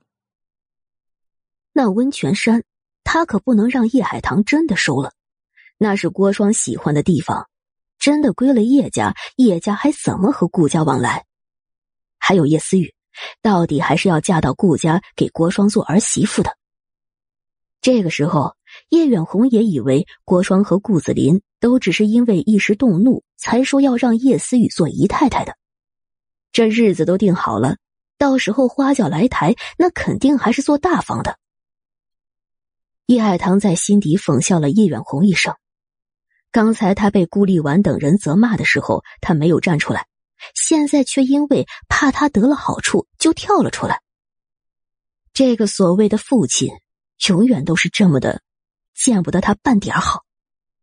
他只是轻飘飘的扫了叶远红一眼，就看向顾城中。我接受大帅的道歉，这温泉山我就收下了。别的事情，也希望大帅言而有信。叶海棠，你还真敢要！郭双气得差一点就没忍住，他恶狠狠的瞪着叶海棠，恨不能将他给撕碎了。我收之无愧。倒是大帅夫人，我建议您要多花点时间在子女的教育上了，不然谁知道哪一天，顾家的东西就不够赔了。你这是挑衅，绝对的挑衅。不过，叶海棠，我让你满意了，你是不是也该对我有所交代了？年轻人做事冲动一些是可以被原谅的，但你在我姑父杀人这件事，也不能就这么算了吧？这叶海棠失踪了三年，再回来还真是让他刮目相看。可明知道这里是什么地方，还敢这么肆无忌惮的杀人，又让他的儿子替他背杀人的罪名，那他可就不依了。顾城中将视线往屋子里递了下。子林只喜欢用枪，山儿倒是枪和刀子都喜欢用，但不喜欢这种一刀割喉的杀人方式。若是有人得罪了他，就这么让人死了，他会觉得太便宜了些。我这两个儿子，我还是多少都知道一些的。除了严子文，那些人都是你杀的吧？这话音刚落，人群就像是炸开了锅。啊！天哪！我没听错吧？大帅说，那些人都是叶海棠杀的。叶海棠一个柔弱的姑娘家，杀了那么多男人，这其中还有端着枪的顾府府兵。这不会吧？叶海棠有杀这么多人的能力？我不信，我可从来没见过哪个人能一个人杀那么多人还能全身而退的。叶海棠身上除了血，可一点伤口都没有呢。可如果人不是叶海棠杀的？大帅为什么要说这样的话？当着我们这么多人的面，大帅是不会说假话的。叶海棠杀一两个人，我还是觉得有可能的。你们没瞧见他刚才划顾小姐那一刀，简直又狠又毒。叶海棠如果真的杀了这么多人，这哪里还是个姑娘家？这就是个女修罗啊！都说他三年前就死了，他却变成了这个样子。不会是从地狱里爬回来的恶鬼吧？天啊！难道是水鬼上岸？可不是说鬼怪白天都不能见光的吗？这青天白日的，你们可别吓我！众人说着说着，竟渐渐的跑偏了。叶海棠没有去听这些议论，也没有答顾城中的话。他想起了顾廷钧说的：“我说什么，你就认什么。”其他人说的，一个字也不要认。怎么，叶大小姐敢做不敢当吗？如此，倒是我高看了你啊！叶海棠眉头一皱，他是认还是不认？恍神间，一道声音传了过来：“你的儿媳妇高看一眼，有什么不该吗？”叶庭君上了前，牵起叶海棠的手。叶海棠，我说我救了你的命，你认不认？我认。救命之恩，当以身相许。你认不认？我。叶海棠猛地抬起头，望向了顾廷君。顾廷君忽然出现，救了他，他是真的记住了这份恩情的。顾廷钧谎称那些人都是他杀的，又站在他的身后护着他，他是很感动的。感动中还多了一丝说不清道不明的复杂情绪。但他以为他和顾廷钧之间的事情，不太适合在这种场面上谈下去。可是顾廷钧似乎不是这么个意思。以身相许的意思是，你得嫁给我，给我当媳妇儿。你。认不认？我认，认就好。顾廷钧转过身，看向大帅。你说你知道我，觉得我杀人不够利落，所以认定人是我媳妇儿杀的。诚然，大帅是这么一个人，只要对自己更有利的，便是媳妇儿被人毁了，被人害了。也不会利落的出手。可惜了，我却不是那么一个人。人，我杀了，不过是些该死的垃圾，杀了也就杀了。这么多年了，我杀的人还少吗？不过，我媳妇儿温柔又善良，谁敢往他身上泼脏水？你们猜猜看，我下一个杀的会是谁？那阴冷嗜血的威压释放出来，别说是议论声了，连大气都没人敢再多出一口。顾城中的脸色很是不好，但是心中却是喜了一下。顾廷君居然愿意娶媳妇了，还打算娶叶海棠。他的视线重新落到了叶海棠的身上。这叶海棠的性子，细细一琢磨，还真和自己是大儿子有几分像呢。这么多年，他一直都对不起白萍与顾廷君母子。顾廷君怨他恨他。就算他有心想要改善父子俩的关系，那也不太可能做到。但他这个做父亲的，也是希望顾廷君能有一份好姻缘。可惜顾廷君的凶名在外，身边别说是女人，连只雌性动物都找不到，他也是愁啊。可现在，顾廷君竟然主动的向叶海棠示好。第二十九集。昨日里，他从街上回来，好像也听到有人议论，说叶海棠与顾廷君的关系不一般。难道是真的？这么一寻思，顾城中的视线在顾廷君和叶海棠的身上来回的转了两圈，越看越觉得这两人有戏。叶海棠，你果真愿意嫁给山儿？叶海棠收了收自己的手指，他说什么，就是什么。好啊，叶海棠，你果真不错。大帅忽然就笑了起来，不仅笑了，连态度都是大转弯。山儿说的没错，那些不知好歹的东西，竟敢在我的书房对你下毒手，该杀，杀得好。山儿杀得好，我顾晨忠的儿子，做事就该这么利落。叶海棠。你既然答应了嫁给山儿，我就亲自去顾家给你下聘。明日就去。叶海棠，你别听外面的人瞎传，说山儿是什么活阎王，其实他好的很，是真正的人中之龙。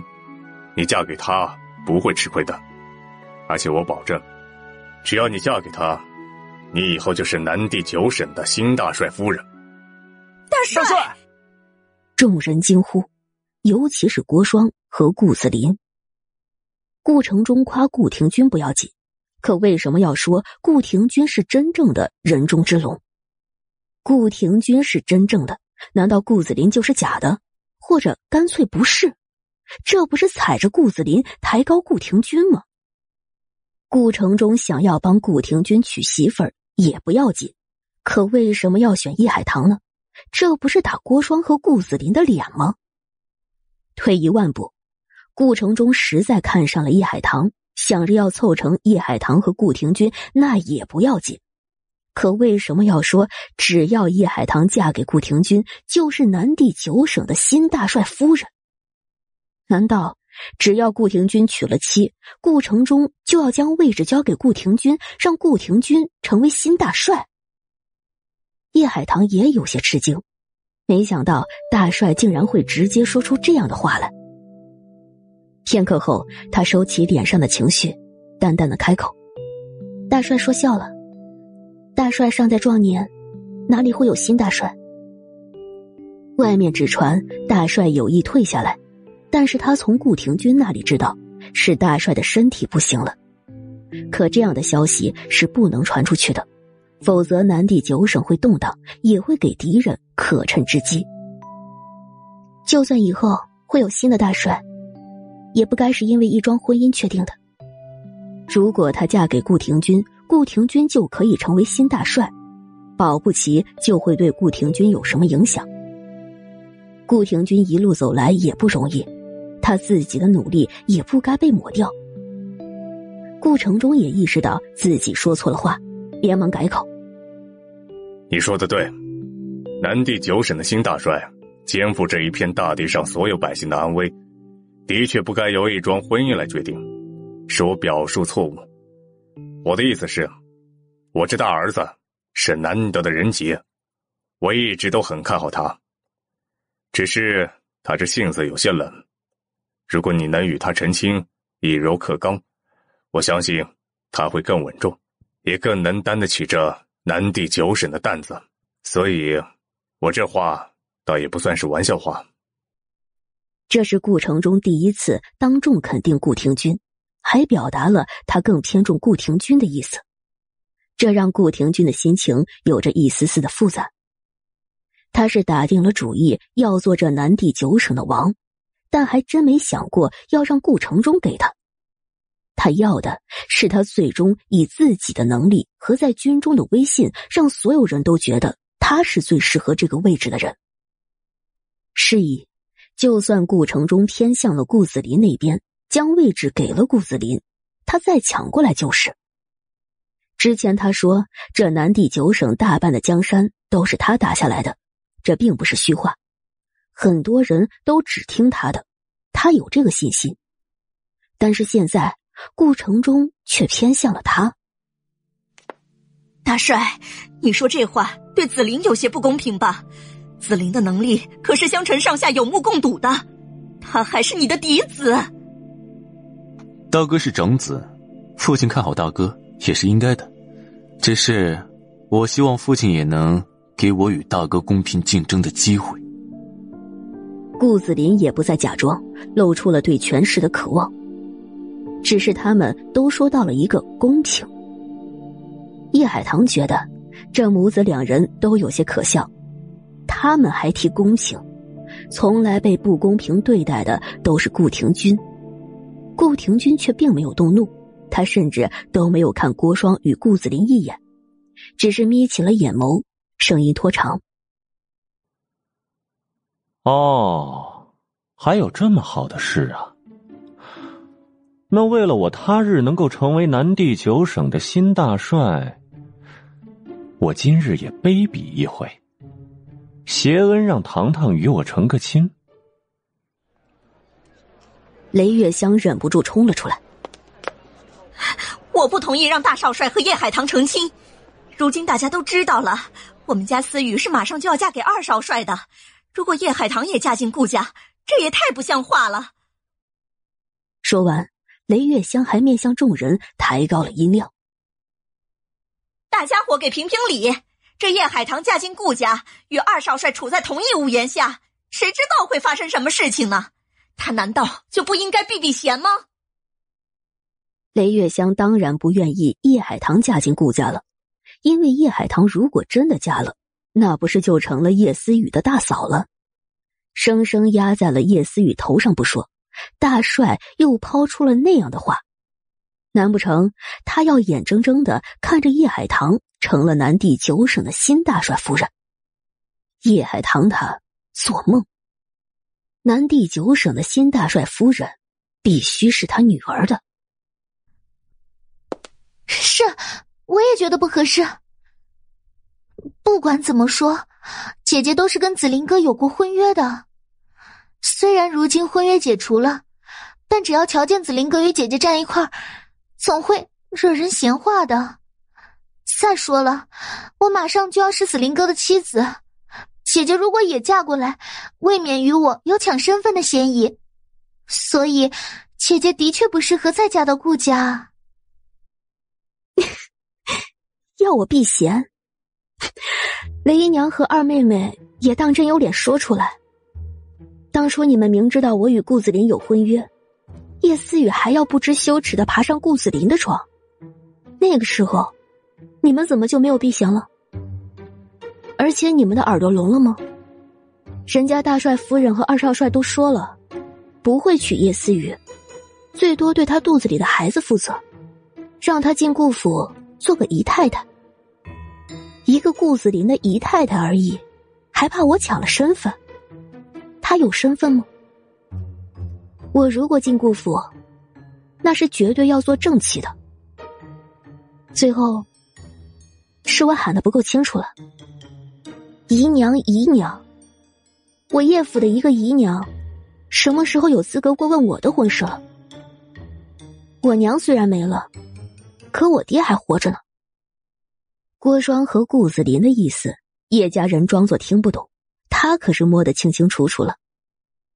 如今闹出来这样的事情，郭双肯定是要给顾子林重新选妻了。叶思雨还真做不成二少帅夫人了。既然叶思雨还在装傻，那他也不介意推一把，将这件事情摆明了。毕竟，让叶思雨梦寐以求的事情化作泡影，是叶海棠也很乐意见到的。至于叶远红，如果叶海棠真能成了大帅夫人，那他高兴还来不及呢，又怎么会阻止？你你胡说！慈林哥怎么可能会只想让我做姨太太？叶思雨着急的上前，一把抓住了顾子林的手。子林哥，你答应过我要娶我做夫人的，还有我们的孩子。没等他说完，顾子林就很恼火的推开了叶思雨。你再闹，我让你连姨太太也做不成。我可不喜欢太麻烦的女人，大不了等你生下孩子后，我把孩子抱回顾府养就是了。第三十集。从始至终，顾子林喜欢的就不是叶思雨这个人，他喜欢叶思雨的温柔顺从，喜欢叶思雨对他的崇拜，喜欢叶思雨在床榻上的诸多花样，能满足他身体与内心的双重欢愉，也喜欢利用叶思雨从叶家多拿一些钱财，为自己走向权力的高处来铺路。如今他与叶思雨在一起，就是损了脸面。就会被人诟病，偏偏叶思雨的身份还那么低贱，他为什么还要继续喜欢他呢？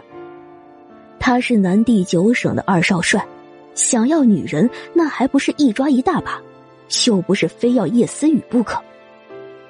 叶家的钱，没有女人他也可以用别的手段得到，不过是会麻烦些。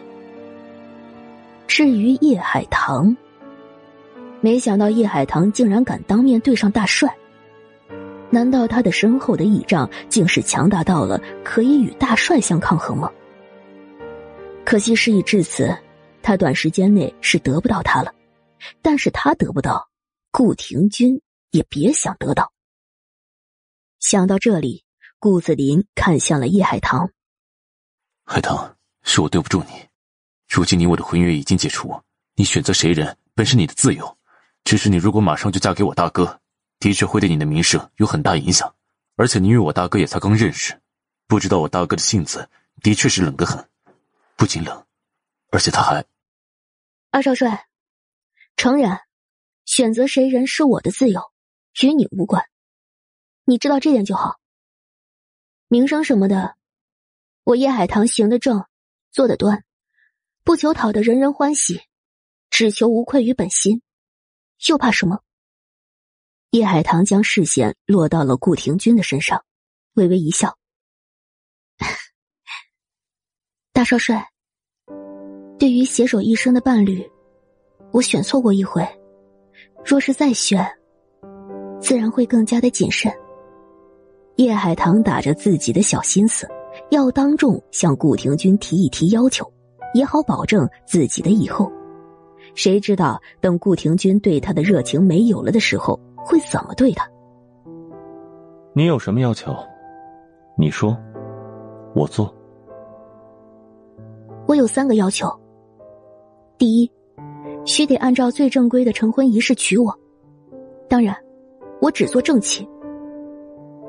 我答应。第二，嫁给你之后，不管你以后有多少姨太太。我都是正妻，一辈子都是。你须得发毒誓，绝对不会宠妾灭妻。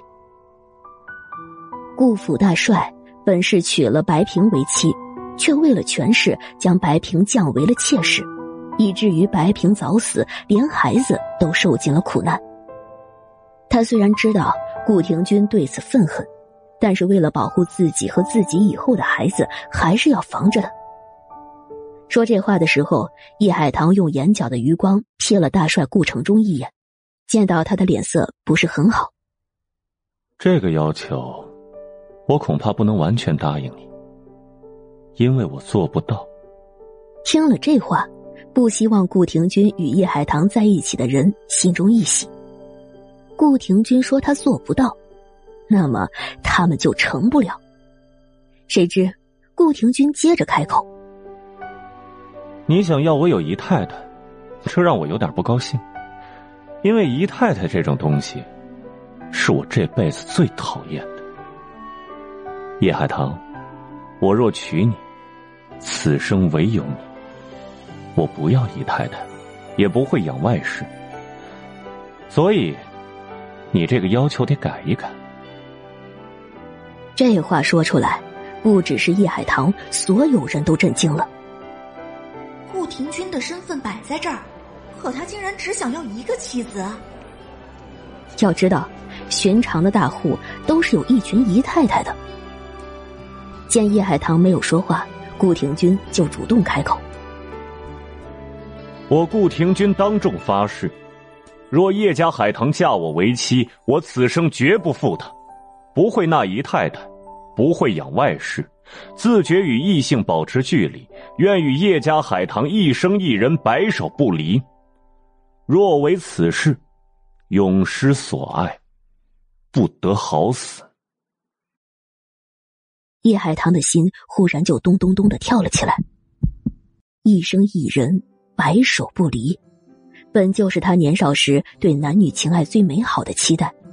只是后来懂事些了，知道这样的想法并不切实际。当他放弃了这种念想，只一心想要复仇的时候，却有人要给他这样的承诺。这个人，竟还是仇人的兄长。糖糖，你觉得这样可以了吗？许是叶海棠的反应让顾廷君很满意，他勾起嘴角，扯开一抹由衷的笑意。这笑晃进在场的一些千金贵女的心里，都忍不住的好一阵心跳。天哪！阴冷大少帅笑起来，怎么会这么暖？怎么会这么好看？怎么会这么的惹人心动？可，可以了。那就继续说你的第三个要求。第三个要求是，若我嫁给你，你要让我死在你前面，你得亲手安排我的后事。人都会死的，不过是早晚而已。但是我希望，我死后，能有我最亲近的人为我埋骨。当年母亲死的那么冤枉，最后还让仇人埋骨。那是多么憋屈痛苦的事情！顾廷君扫了站在人群前方的叶远红等人一眼。我答应。那我答应嫁给你。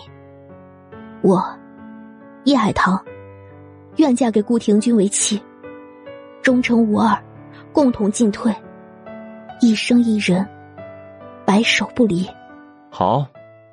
顾廷君深深的看了叶海棠一会儿。就把视线落到了顾城中的身上。那么，就请大帅亲自安排去叶家下聘吧。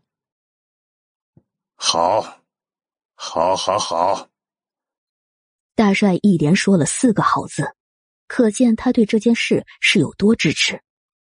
但他的心情却极其的难受。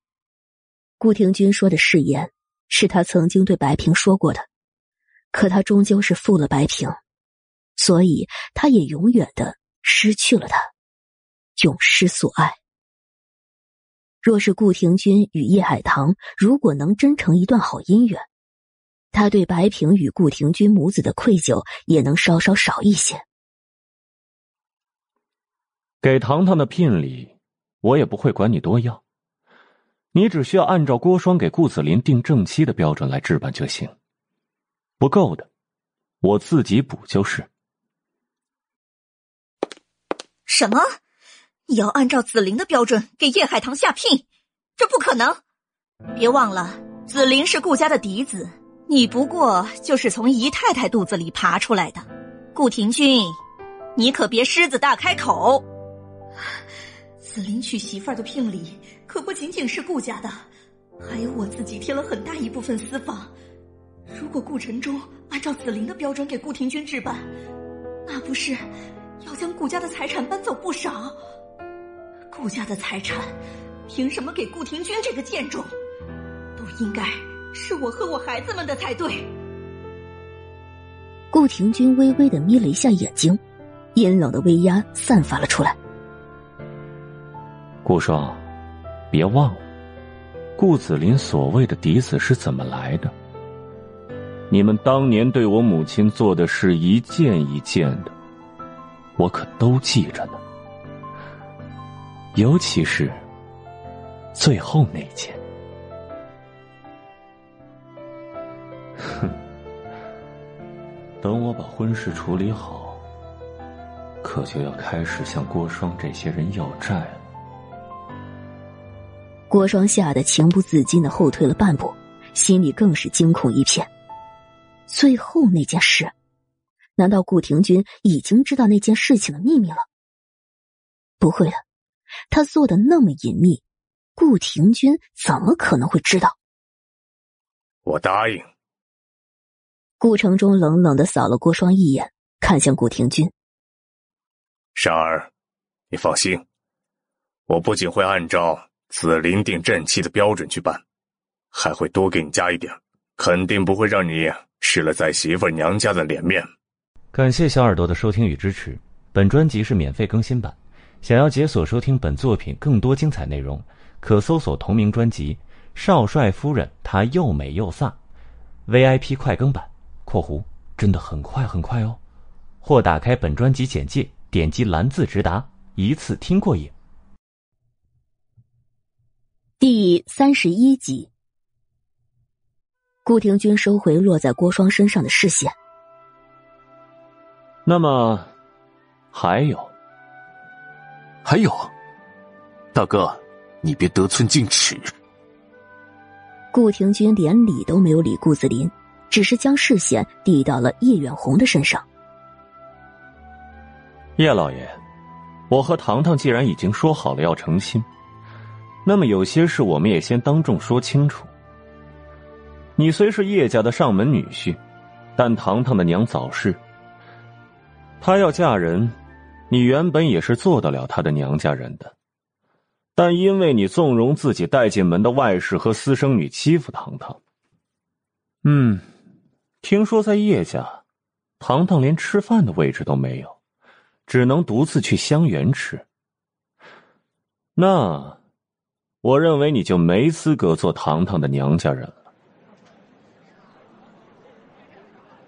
什么？叶大小姐在自己家里面连吃饭的位置都没有，这也太让人不敢相信了。这是真的吗？我看是真的。要不是真的，大少帅也不好当众说出来呀。这叶老爷是个有大福气的。偏还将这福气往外推，我看他的脑子大抵是被驴子踢了。叶远红的脸上都快挂不住了。刚刚他还激动极了，因为顾廷钧不仅真的要娶叶海棠，还让大帅亲自到叶家下聘。那顾子林的聘礼有多少，他是知道的，并且只提聘礼，也没说要叶家给多少嫁妆。他大可以少给叶海棠准备一些嫁妆，从中大捞一笔。可顾廷钧竟当众说他没有资格做叶海棠的娘家人，这什么意思？难不成顾廷钧还想着给叶海棠换娘家人不成？大少帅这是什么意思？我是是叶家的上门女婿不假，但我也是海棠的亲生父亲啊！海棠要成亲。须得我做主啊！这几件事情闹出来，上门女婿的事情他是兜不住了。襄城叶家是个大族，虽然以叶静兰这一脉最为富有，但是知道这件事的叶家老辈那也是不少的。只要有人存了心去问，总是能够问出来的。所以他再郁闷，再不想承认这个身份，也不得不承认。但叶静兰都已经死了，最能给叶海棠做主的人也只剩下他了。不，除了你，还有糖糖自己也可以做主。除了他自己，还有我可以给他做主。我即将是她的丈夫，婚事定下来之后，很快就会成亲。作为她的丈夫，我是最有资格给她做主的人。我不过是想要把这个资格提前一些时日，想必也不成问题吧。我的意思是，我家糖糖无娘家人庇护，那我就做她的娘家人，护着她就行了。你要做她的娘家人，你想做什么？叶远红没想到顾廷钧竟会说出这样的话来，竟然说他自己要做叶海棠的娘家人。这种事情连听都没听说过。顾城中倒是听出些名堂来了。善儿，你想让顾家直接给海棠下聘？是这么个意思。这是什么规矩？从来没有听说过这样的规矩，不能这样做。叶海棠要嫁给顾廷钧。雷月香似乎是拦不住了，怎么还能让叶海棠自己收聘礼呢？叶海棠自己收了聘礼，嫁人的时候再带走，那他岂不是一点好处都捞不着了？我看这样可以，那就这么办。我尽快把聘礼单子写好，明日挑个好时辰去顾家相聘。海棠啊，你回去在家里等着。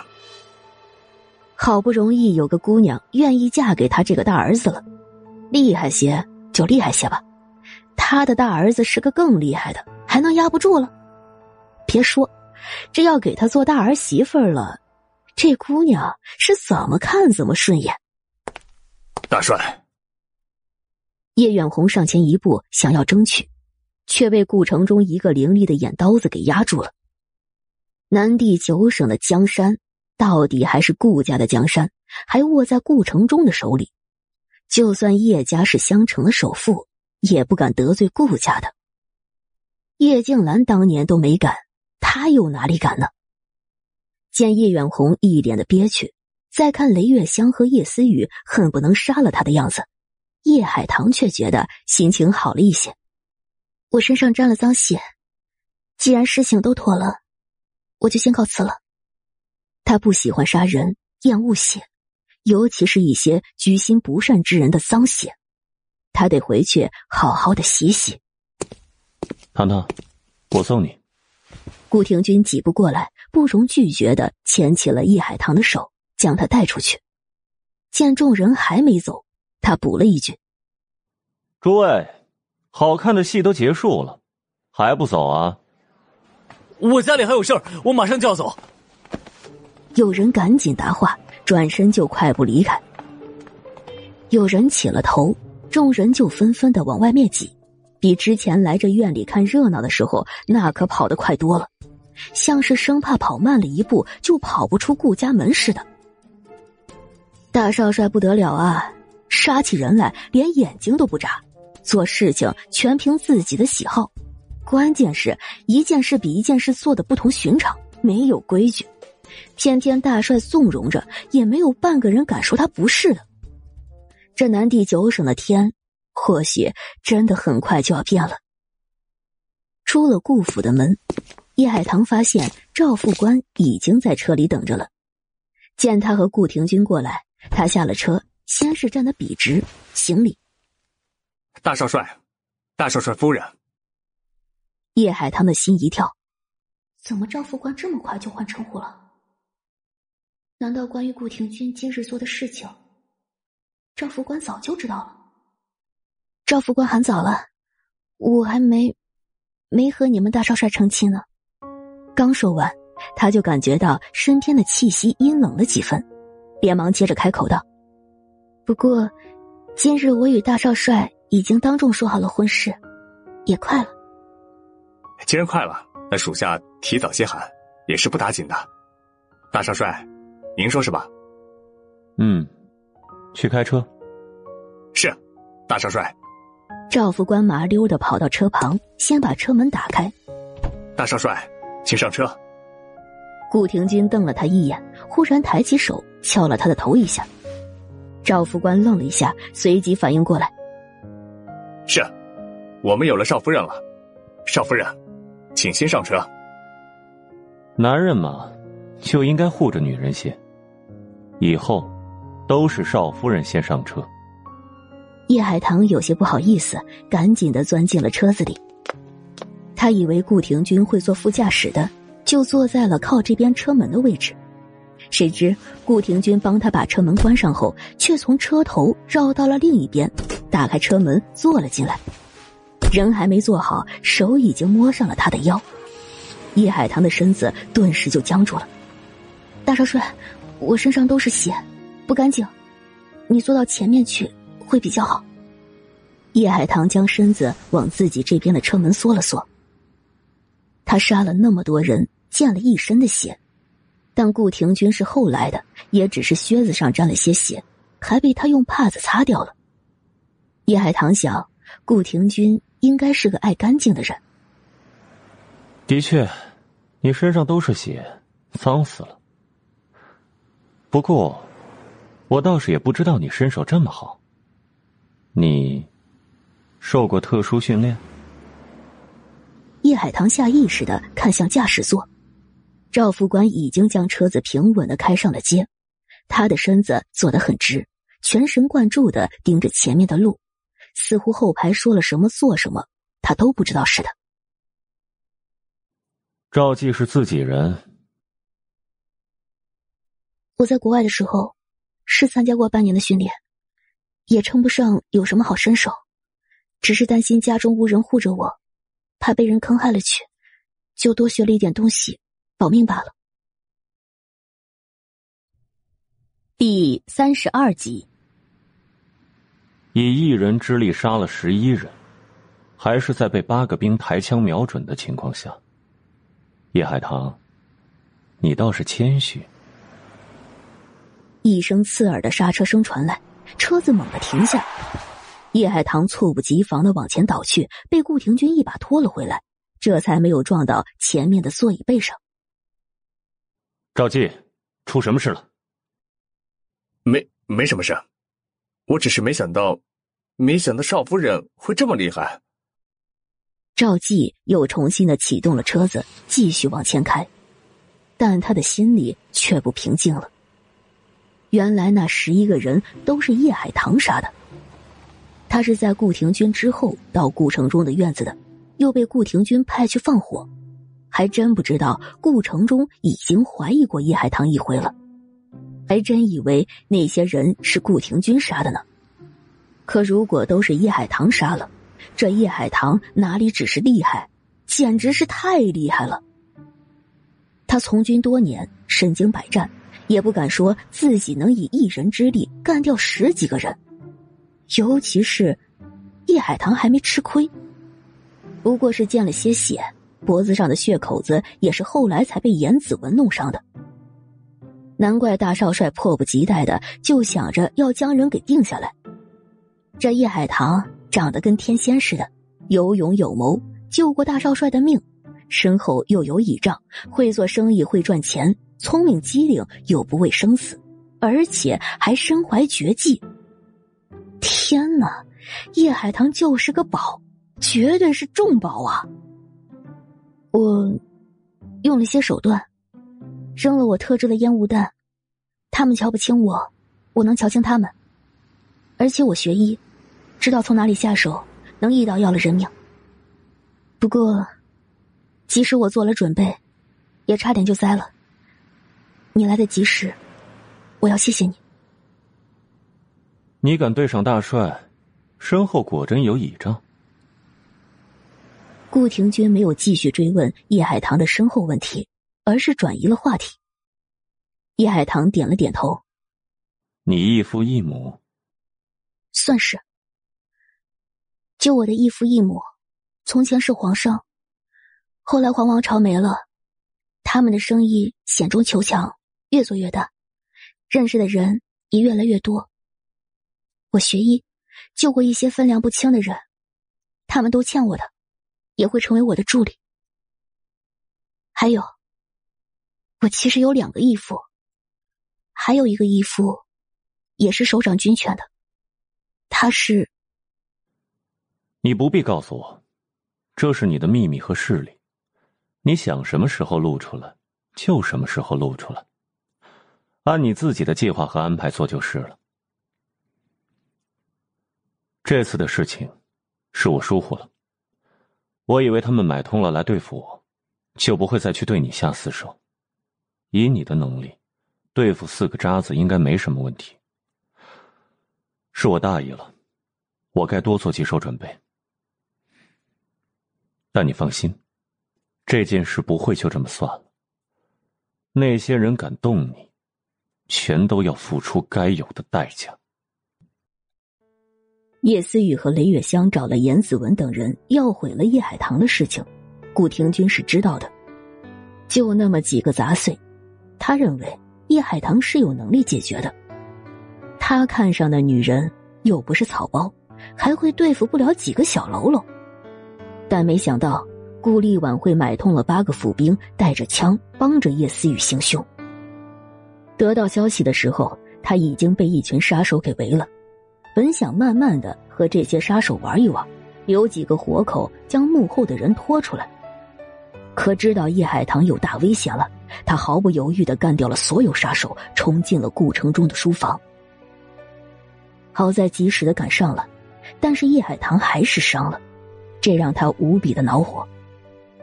他顾廷钧护着的人，旁的人怎么能伤？我知道了。叶海棠应了一句，那一种复杂的情绪又被牵扯出来。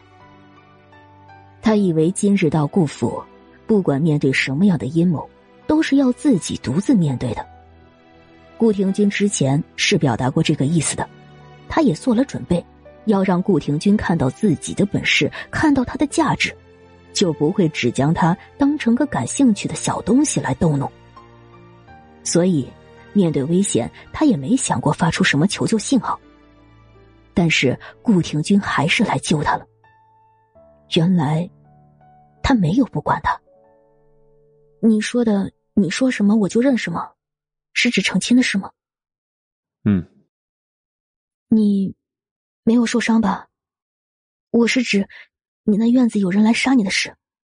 没受伤，不过之前的伤口有些崩开了。那你去我那里，我帮你重新处理一下伤口。顾廷钧将头偏过来，嘴角一勾，那又痞又邪魅的感觉又回来了。哼，小东西，你这是在关心我，还是在邀请我？之前爷没有名分，没有动你，现在爷也算是有名分了，要不然爷跟你回去，今晚就不走了。赵副官又被生生的干呛住了，猛地咳嗽了两声。谁说大少帅不会追姑娘的？听听这话说的，聊姑娘家的本事溜溜的。大少帅果然是大少帅，做什么都这么的厉害。叶海棠只觉得脸上一阵阵发热，那你还是去医院处理吧，我回去还得洗洗什么的，怕是没有空帮你。这还是大白天呢，就说晚上不走了，还当着赵副官的面说这些话。真是一个恶劣的男人。爷知道你要洗澡，你可以跟爷一起洗啊。又是一声刺耳的刹车声，赵副官咳得更厉害了。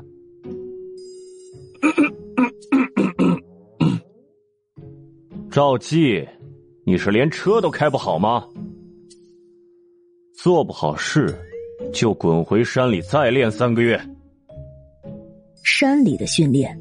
那是顾廷钧亲自安排的特训，那可是魔鬼般的训练。赵副官却是不怕，连忙启动车子道：“只要能喝到大少帅和大少帅夫人的喜酒，我赵记去山里练三年都可以啊。”开你的车。是，大少帅，您和少夫人继续，呃，继续。转过了两条街，就到了叶府门口。赵记停了车，叶海棠迫不及待的就推开车门下来，脚刚沾到了地面，他就打算跑到大门里面去。顾廷钧却似乎是摸准了他会这么做，在他刚踏出第一步的时候，他就痛呼了一声，冲着叶海棠的背影悠悠的开口：“我流血了。”叶海棠脚下一顿，无可奈何的转过身来：“你，你怎么了？”顾廷钧捂着自己的伤口处，痛。痛就赶紧去医院，赵副官，送你们大少帅去西院。赵副官小心的看了一眼顾廷钧，顾廷钧却伸手打开了车门，跨步出来，将他高大的身体靠在车身上，右手扶着额头。啊，头好晕啊！如果去医院，怕是到不了医院，我就得昏死过去。这里明明就有医生，却不肯给我治伤，好狠的心啊！这竟是又换了一副泼皮的面孔。你，这男人一定是故意的！该死的，他到底有多少面？可叶海棠到底不能真的狠下心来，只好朝着顾廷钧走过去，扶住了他。顾廷钧倒好意思。马上将自己的身体大半的重量都压在了叶海棠的身上，让叶海棠差点没站稳，赶紧保持平衡，将他扶进了府里面去。但是到了叶海棠的房间里后，顾廷钧就自顾自的拿了一把椅子放在门口，歪在了那里。小东西，你这身血腥味也太熏人了！你先喊人抬水洗澡，爷就坐在这里给你看门啊。还是不不用麻烦你吧，我先把外面的衣服换了，然后给你处理下伤口，你回去好生歇着。第三十三集，叶海棠只想这男人早点走，谁知道他留在这里又会做出什么样的事情来？要麻烦的。顾廷钧用眼角的余光扫了一下院门处，你先去做你的事，乖。叶海棠瞧见他的动作，往院门口看去，就见到那里有两个人的身子缩了回去，是叶远红与雷月香，他们倒是回来的够快，来找他算账的。好，那就麻烦大少帅了。叶海棠收回视线，喊了丫头抬水。房门关上，叶海棠匆匆的洗了澡，穿上干净的衣裳，将一身带洗的衣服烧了。又打开窗通风，再给屋子里点上香，这才重新的将门打开，喊顾廷钧进屋。顾廷钧拎起椅子就跨进了门槛，还顺手将半开的门推成了全开。这一动作让叶海棠微愣之后，心头起了一阵暖。没人晓得的时候，他是要多恶劣有多恶劣，可是有人瞧见，他就把事情做得敞敞亮亮的。护着他的清白和名声，这男人心如猛虎，却也心细如尘。和他成亲的事，忽然就没有那么慌了。叶海棠的语气也不禁轻柔了许多。廷君，你过来，坐在这边来。顾廷君过去坐了，叶海棠才转身拿出自己的医药箱，将一些处理伤口要用到的东西都拿出来放到了桌面上。正准备喊顾廷钧把上衣脱了，顾廷钧却起了身，压着他的双肩。坐下。叶海棠有些疑惑，却见到顾廷钧拿起了桌面上的东西。头抬起来，我看看你脖子上的伤。叶海棠才明白过来，他是打算先帮自己处理伤口。啊，我伤的轻，也没有很疼。你不是流了很多血吗？还是先给你。顾廷钧拿镊子夹着棉花，蘸了玻璃瓶里的药水。你不疼，我替你疼。抬头。许是他的话带了感情，又许是叶海棠现在还不敢反抗他。叶海棠乖乖的抬起了头。我那日发现你这药水的效果还不错，用来擦洗伤口不会很疼，也不会让伤口化脓，配合药粉一起用，还能促进伤口的愈合。哼，这也是你自制的？嗯，我在里面加了一些药物。我学西医，但是也学我们自己的医学。西医药效快，我们传统的医学治本，结合起来治病更好。你倒是有些小聪明啊。顾廷钧开始擦洗着叶海棠脖子上的血口子。叶海棠却有些不服，他哪里只有一点小聪明了？将西医和传统医学结合在一起，是他想出来的新办法。他以此解决了很多的疑难杂症，救了很多人。到底是消毒用的药水，就算是他加了一点别的药，但还是有很大的刺激性的。再加上脖子本身也是敏感的位置，那冰凉又刺痛的感觉。让他也无可避免的痛呼了一声，还是有些疼。你先忍忍，就快擦好了。顾廷钧手上的动作轻了些，他也是第一次做这种事。女人果然还是娇弱些，难怪母亲从前养花的时候会很累。这越好看的花，果然是越不好养。伤口上的血。叶海棠洗澡的时候用毛巾蘸着水简单的处理过，只是这处地方他自己看不见，血迹还是没有完全的擦掉。这会儿，当顾廷钧将伤口擦洗干净，看见他白皙细嫩的脖子上留了这么一条长长的痕迹，顾廷钧的心情冷了几分。但是一个不经意的，瞧见叶海棠那精致的锁骨，以及再往下。他的眸光顿时深邃了一些，手下的动作也慢了。叶海棠这会儿本就是高度紧张，马上就发现了顾廷钧的变化。听，廷钧，擦好了吗？顾廷钧这才将视线收回来。嗯，我现在给你撒药粉。他一只手拿了药粉，另外一只手捏着叶海棠的下巴，均匀的撒在了叶海棠的脖子上。又拿了纱布过来，将叶海棠的脖子包扎起来。才刚刚绕了一圈，外面就传来声音：“大少帅来了，人在哪里啊？快带我看看。”娘，别着急，慢慢走。老太太，我们竟然都不知道大少帅早就和叶海棠认识。奶奶，等下见了姐姐和大少帅。您可别忘了要给我做主啊！叶海棠的脸色一沉，那些人都来了。别动啊，包扎伤口呢。顾廷钧却像是没有听到外面传进来的声音似的，仍然认认真真的缠着手里的纱布。原本叶海棠伤的不重，这纱布绕脖子缠个两三圈也就够了，可顾廷钧却将纱布缠了一圈又一圈。等叶海棠反应过来，他已经给他包了厚厚的一层，将一大圈的纱布都几乎用完了。最后留的一截，顾廷钧在叶海棠的脖子上侧面打了一个结儿。打完之后觉得不好看，又拆了，准备重新打。叶老夫人等人已经跨进了门槛进了门，叶老夫人就自己找椅子想坐下。叶海棠的屋子里。除了梳妆台前的凳子，就只有两把椅子，一把叶海棠坐着的，另一把还空着。叶老夫人就朝着那把椅子走了过来。等他刚刚好走到椅子边的时候，顾廷钧忽然伸手将那把椅子给拿走了。叶老夫人有些尴尬的立在了原地，顾廷钧却像是半点都没有发现他的尴尬似的，只是将椅子挨着叶海棠放。然后坐了上去，捏住了纱布的两端，重新打结儿。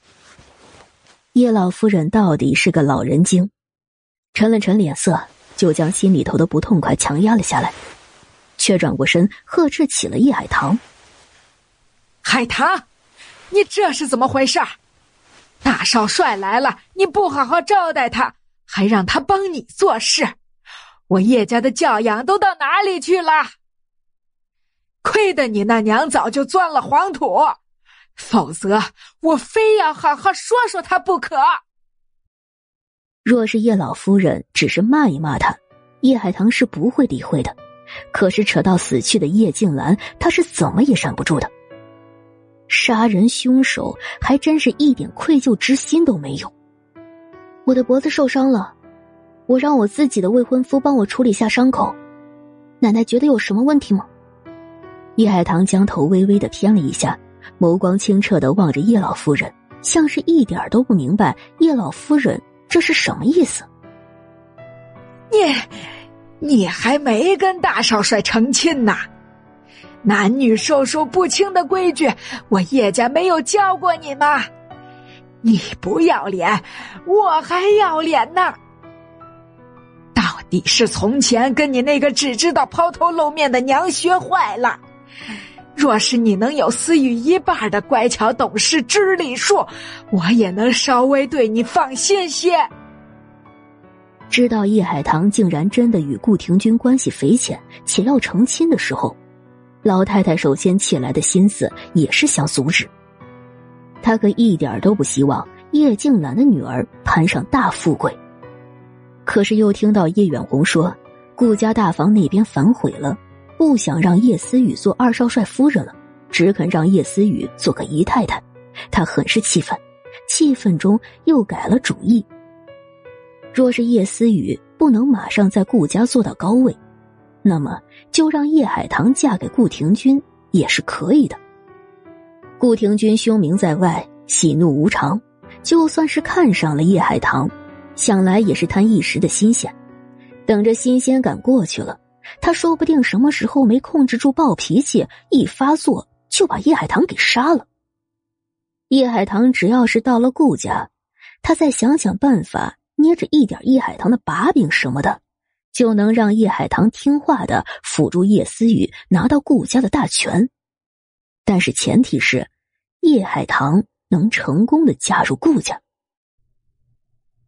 第三十四集，打着这样的主意，他才迫不及待的跑过来，想看看顾廷钧是不是真的对叶海棠很有兴趣。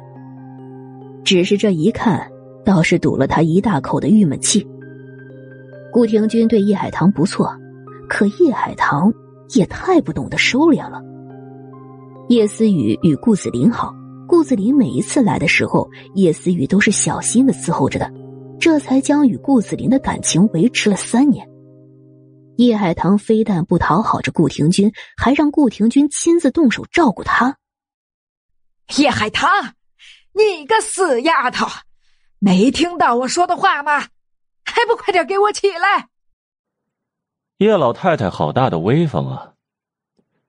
顾廷钧打好了结，左看看右看看，总算是满意了，这才松了手。谁允许你吼我媳妇儿了？叶老夫人的脸色变了变，她是知道顾廷君瞧不上雷月香和叶思雨的，从他对雷月香下重手且多次讽刺叶思雨就可以知道。可是他怎么说也高了顾廷钧两个辈分，他以为顾廷钧多少的会敬着他一点但是，哎哎，大少帅想差了，我不是吼你，是吼我们家这不知好歹的野丫头。不管顾廷钧对他的态度有多差，他也不敢说顾廷钧什么，只将视线落到了易海棠的身上，恨不能用眼刀子将他刺穿。在我这里，我的妻子和我同等。你说我的妻子不懂礼数，就是说我不懂礼数了。你说的也没错，我呢，就是个不懂礼数的人。我几岁就离开家到外面闯，礼数什么的，在我顾廷钧眼里就是个屁。所以，如果有人仗着年纪大就想让我让着他。那他肯定是不会如愿。不过，虽然我不懂礼数，倒是觉得我家糖糖还挺懂礼数的。她很好，是这世上最好的女子。我也觉得，我没有不懂礼数，只是我懂的是好礼数，与奶奶家的礼数规矩不一样。毕竟，奶奶家的礼数规矩。就是怂恿袒护一个外室带进门的私生女，去爬男人的床榻呢。你，你这该死的丫头，你说什么？你怎么敢这么说话？你们做得出，还怕我说吗？叶海棠站起身来，与叶老夫人等人对视。从前听别人说，没了亲娘的孩子就是根草，只会被欺辱和践踏。我原也是不信的，所以身体好了，就迫不及待的回来了。可我回来之后，是怎么被对待的？是同父异母的妹妹抢了我的婚约，还对我恶语相对；是父亲带进门的外室，对我喊打喊杀；是，是父亲和奶奶对姨娘和妹妹偏爱着。即便是妹妹做了错事，也是不打紧的。但我明明什么都没有做错，被人谋害了，受伤了，却还是被你们围到屋子里面来训斥、责骂。更甚是，这家里连我吃饭的位置都没有。早知道回来之后会被这么对待，我为什么还要回来？奶奶、父亲、姨娘、二妹妹，总有你们才是一家人。我只是个意外从江里爬回来的水鬼。你们这么不喜欢我，那我们就干脆分家好了。你们做你们的那一家，我和母亲做我们的一家。我往后不会盼着你们对我好，我以后的过活。我母亲逢年过节的祭拜，也不劳烦你们了。刚说完，叶海棠就趴在桌子上大哭了起来。这哭半真半假，真的部分是在为死去的叶静兰而哭。若是叶静兰能早日看清楚这些人的黑心肝，将他们赶出去，也不会死的那么委屈，那么惨。叶哭，他自小那么小心的敬着叶老夫人和叶远红，是有多傻？假的部分，则是在用这哭声来打消叶老夫人等人的怀疑。分家是早晚都要分的，这不过是他第一次提出来，往后他会在每一次矛盾中提出来，直到顺利的与这些人断绝关系。看，他被他们逼得多么的委屈。多么的伤心呢！委屈伤心的，连分家这种事情都能够说出来了。可明知道叶海棠哭的有些假，顾廷君还是有些不悦了。他想要分家，这个想法倒是不错。分家可以。赵副官走过来，听了顾廷君的话，赶紧道。大少帅说的好，就该分家。少夫人，你也太善良了，竟还喊别人奶奶。我瞅着这老婆子，也不是您家里的奶奶。少夫人，这世上不是你对谁好一分，谁就会对你好一分，多的是你对他好了一分，他就嫌你没给他十分，或是干脆以仇报恩的。这种人还搭理他做什么？直接打出去就是啊。别说不是您家里的人，就算真是您家里的，说起来，少夫人家里的人好像除了少夫人，也就只有叶老爷了吧？依我看，若是叶老爷不摆正态度，对您这个唯一的女儿好些，您不如就请族里面做主，给了他一纸休书，将这家彻底分了清楚啊！说完，他满脸笑容的看向顾廷俊，大少帅，属下说的对吧？嗯，就这么办。叶老夫人和叶远红听到这话，脸上哪里还挂得住？大少帅，虽说你位高权重，可这是我家里的事。你这样教唆我的女儿做这种大不孝的事情，你就不怕被人戳脊梁骨，说你以势凌人、横行霸道吗？你一个小辈，如此不敬长辈，就不怕被老天爷惩罚，天打五雷轰吗？哼，你们才知道我顾廷钧以势凌人，横行霸道吗？我怎么记得我十几岁的时候就开始以势凌人、横行霸道了？我不仅以势凌人、横行霸道，我还阴狠恶毒，杀人如割韭菜。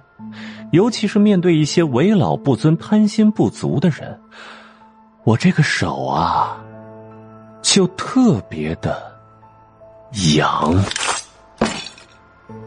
一个痒，字音还没完全落下来，顾廷钧已经将自己随身携带的刀子拍在了桌面上。他还是喜欢这种冷兵器带来的感觉。叶老夫人哪里还敢嚣张？只看了那刀子一眼，就吓得往后缩了好几步，差点没倒了。大少帅，你你可别乱来呀！这里到底还是叶家。是啊，我媳妇儿的家。怎么，我来不得？不不不，不是这个意思。哼，那是怎么个意思？大少帅。姐姐当真就这么好，值得你您屈尊跟我们一群女人计较吗？您这样做有失身份吧？叶思雨眼见着连老夫人都败下阵来，忍不住上前一步，做柔弱可怜模样。就算您真的要为姐姐出头，在顾家的时候不是都已经做过了吗？你们合起伙来，毁了我跟紫菱哥的婚事，让我从正妻变成了姨太太，连我肚子里还没出世的孩子都可怜的沦为了庶子。大少帅，真要说起来，我与紫菱哥的事，一个巴掌是拍不响的，双方都有错。而且这种事，本来也是女人要吃亏些。要说我欠了姐姐的，我就要去做姨太太，也算是还清了吧。您何苦又故意来我们家里面，才帮着姐姐对我们不依不饶的？难道就因为因为他哭得更大声些吗？第三十五集，眼见叶思雨两眼一抹泪，就要哭出声来。叶海棠及时的说了话：“叶思雨，你是演戏演成精了吗？你成了顾子林的姨太太，那是郭双和顾子林不想让你做正房，也是从一开始你就自甘下贱，又没将你私生女的身份坦白的告诉他们。等他们看白了你，自然就不想要你了，又关我什么事啊？什么叫做大少帅和我合起伙来毁了你和顾子林的婚事？”难道不是你和顾立婉合起伙来想要毁了我，结果却搬起石头砸了自己的脚吗？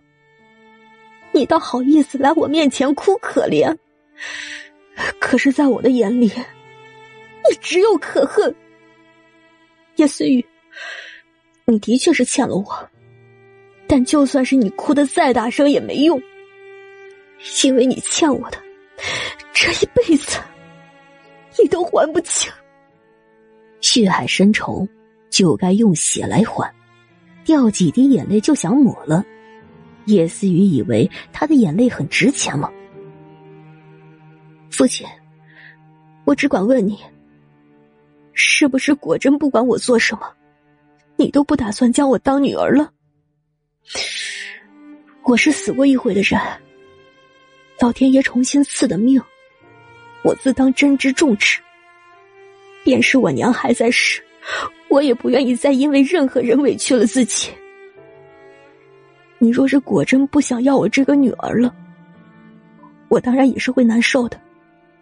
但是长痛不如短痛，我们直接分了家，断了关系就是。叶海棠，你也太放肆了！你这是大不孝。这是我叶家的事，你一个父亲带进门的外室，插什么嘴？有你说话的资格吗？叶海棠，你雷月香气得脸都青了，却又不敢对叶海棠做些什么。顾廷钧这尊大杀神还在这里呢。叶远红沉默了半晌，自然是在心中衡量着，也不知他想些什么后，开口道：“海棠，我看你今日是累着了，那你先先好生歇着吧。你和思雨，你们姐妹之间的事，等吃过了晚饭再说吧。”哦，那就晚上再说吧。叶海棠并没有流露出什么情绪，似乎是早料定了叶远红会这样说，所以早有了准备似的。那如果没什么事，你们是不是先回避一下？大少帅也受伤了，我也得给他处理下伤口。你们若是在这里，我怕我会分心，尤其是叶思雨，我不得不防。毕竟他喜欢觊觎我的未婚夫，这话说出来是半点面子都不想给了。姐姐，你你也太过分了！你叶思雨恨恨的瞪了叶海棠一眼，不能把叶海棠怎么样，只能假装受到了莫大的伤害似的，哭着往外跑。叶思雨。仔细着你肚子里面那坨肉，若是那坨肉掉了，或许你就连顾子林的姨太太都做不成了呢。叶思雨脚下的步子顿了一下，随即跑得更快了。雷月香赶紧的追了出去。叶远红看向叶老夫人：“娘，小贝的事情还是不劳你操心了，我们回去吧。”这算是给了叶老夫人一个台阶下。果然是叶静兰的女儿，竟是个厉害的。厉害的什么？他没说，但任谁都能听得出来那话里面的不痛快。叶海棠只当没听懂。嗯，是我娘教的好。叶老夫人的脸色一僵，快步的离去。叶远红也跟了上去。这些人匆匆的来，又匆匆的去。叶海棠只是冷笑了一声，就将注意力都放到了顾廷君的身上。一群贪吃的耗子，我早晚把他们一只只的全打死。不管他们了，我们继续办我们的事吧。说着，他上手去脱顾廷君的衣服，顾廷君却突然抓住了他的手。小东西，你做什么呀？耗子惹了你？你莫不是想要我给你灭火？那在这里不合适吧？什么不合适？叶海棠不明白顾廷君的意思，顾廷君却将视线往门口递了递，然后又扫了床榻一眼。若是不去床上，至少也得先关了门呢。你在说什么呢？青天白日的！你说话能不能不要这么的不知羞？你说要和我办事的，你都要办我了，我还要知什么羞啊？我什么时候说要办办你了？我说办事是给你治伤。他指了指顾廷君的伤口处，一直在流血，你不疼了？疼？怎么能不疼呢？他这喊声委实也有些假，但身子往那里一歪，也有些虚弱的样子。叶海棠赶紧的加快了手上的动作，等将顾廷君里外的衣服都脱了下来，就看见缠在他伤口上的纱布果然都被血给浸透了，红红的一大片，看得人触目惊心。你，你就一个伤口，怎么还能流这么多的血？大抵是。上次下刀子的时候划过了头，下重了手吧？顾廷君不在意的说，好像这流血的人不是他似的。叶海棠不知道该说他什么了，更何况他伤成这样还救了他，他就是有话说也不想说了。顾廷君是重伤员，他大，顺着他。早知道顾廷君伤的这么重，他应该先给他处理伤口的。此时此刻。叶海棠并没有发觉，他有这样的想法，其实是已经开始把顾廷君放在了心里的表现。他小心的扯开染血的纱布，尤其是在接后面两层的时候，因为血和皮肉粘在了一起，他的动作更是轻柔。可等到所有的纱布都揭开后，瞧见那伤口，他的火一下子就飙了起来。你没缝，这么长的口子，你竟然都没有缝？难道是那天下船之后，你就一直带着这伤，都没有换过药？嗯。顾廷钧应了一声，他其实是没有时间换药。他和叶海棠一样，也是刚回到襄城，虽然早些时候就安排了人，可是许多的事情还是要一样样的处理好。除了悄悄的翻墙钻进叶海棠的屋子里睡觉的时间，他都是在各种的奔波，连饭都没好好吃，哪里还有时间换药呢？死不了就行，这些年不都是这样过来的吗？顾廷钧。你这是完全不拿自己的身体当回事，你知道吗？我那日见你手法熟练，觉得你自己能处理好自己的伤口，就没管你。可我不是没给过你针线，你为什么不缝伤口？你这伤口不缝，短时间内根本不可能长好，就算以后长好了，也会留疤的。风阴天下雨的，他都会。叶海棠稍稍的抬起头，忽然将最后那个“痛”字吞了回去。只因为借着今日明亮的光线，他发现顾廷钧身上大大小小、长长短短的、形状各异的伤疤到处都是，整个上身都寻不到几处巴掌大的好皮。他的脸倒是被太阳晒成了古铜色，可身上的皮肤却白得很。这些伤疤爬在上面，支离破碎般，轻而易举的就扯得叶海棠的心好疼。这得是经历了多少伤痛，才会有这么多的伤疤呀？他如今也不过二十多岁，这些年都是怎么忍过来的？这么多伤，怎么没疼死？本想狠狠的训斥顾廷钧一顿的，最后却只变成了一句充满心疼的嘀咕。叶海棠开始清洗顾廷钧的伤口，动作轻柔。他就在顾廷钧的面前。垂下眼皮，藏下了眼角那一点点的泪光，长长的睫毛轻轻的颤抖着，神情专注又认真。顾廷钧一瞬也不顺的瞧着他，只觉得自己空了多年的心在一点一点的被填满。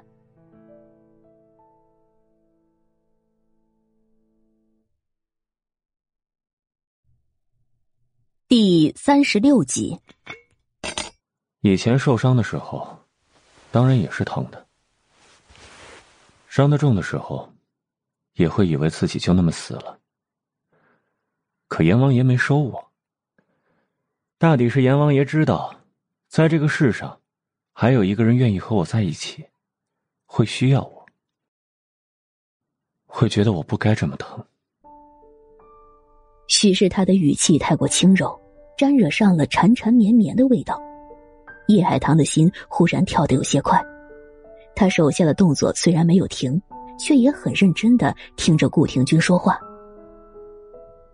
缘分真是一种很奇妙的东西。我活了这么多年，见过那么多的女子，偏是一个也瞧不上。可与你才见了几日，就好像……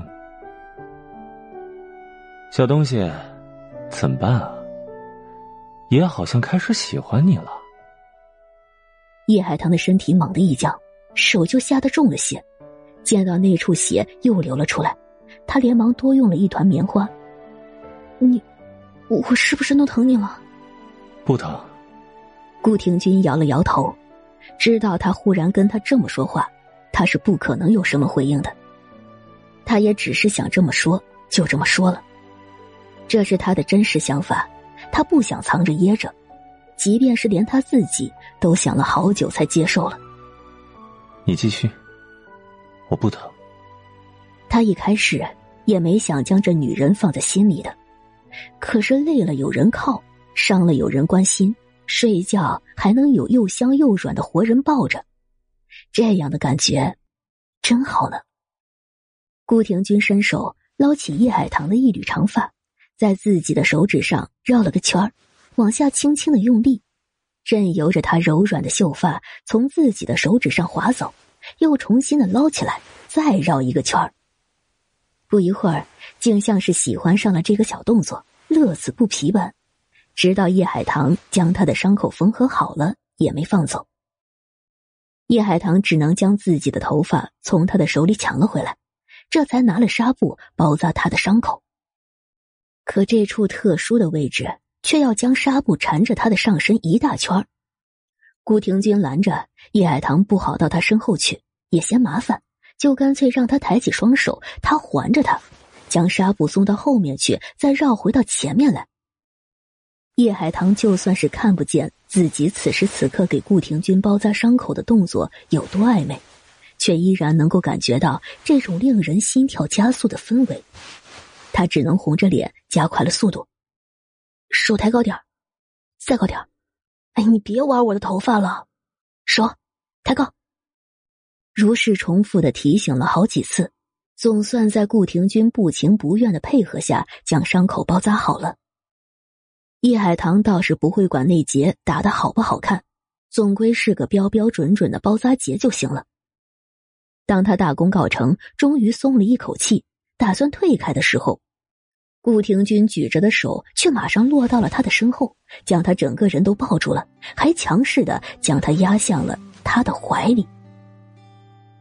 自母亲去了之后，这么多年来，我都是一个人，自然是无所谓生死。但如今有了你，我会为了你好好保重我自己的。我不是答应了。要死在你后头吗？顾廷君的声音从叶海棠的头顶传了下来，声音不高，却誓言般的沉重。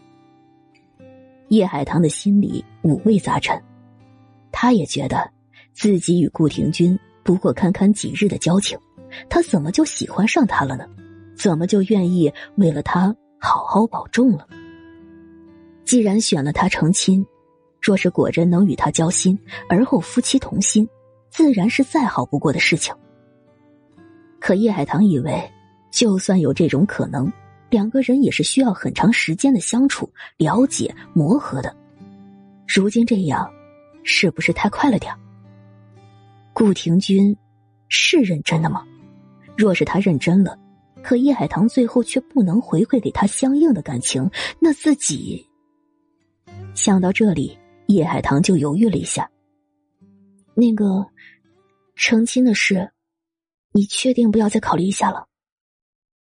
嗯，我的意思是，你其实还不太了解我。或许我并不像你觉得那般好。比如你说我是这世上最好的女子，那我肯定是当不起的。这世上比我好很多。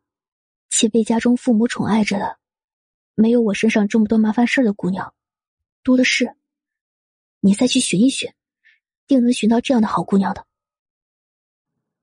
这是你的想法，可惜我看人第一眼最重要，我第一眼就瞧上你了，旁的人也就瞧不上了。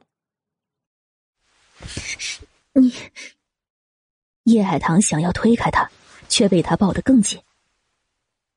别动，别动，再抱一会儿，我就要回去收拾残局了。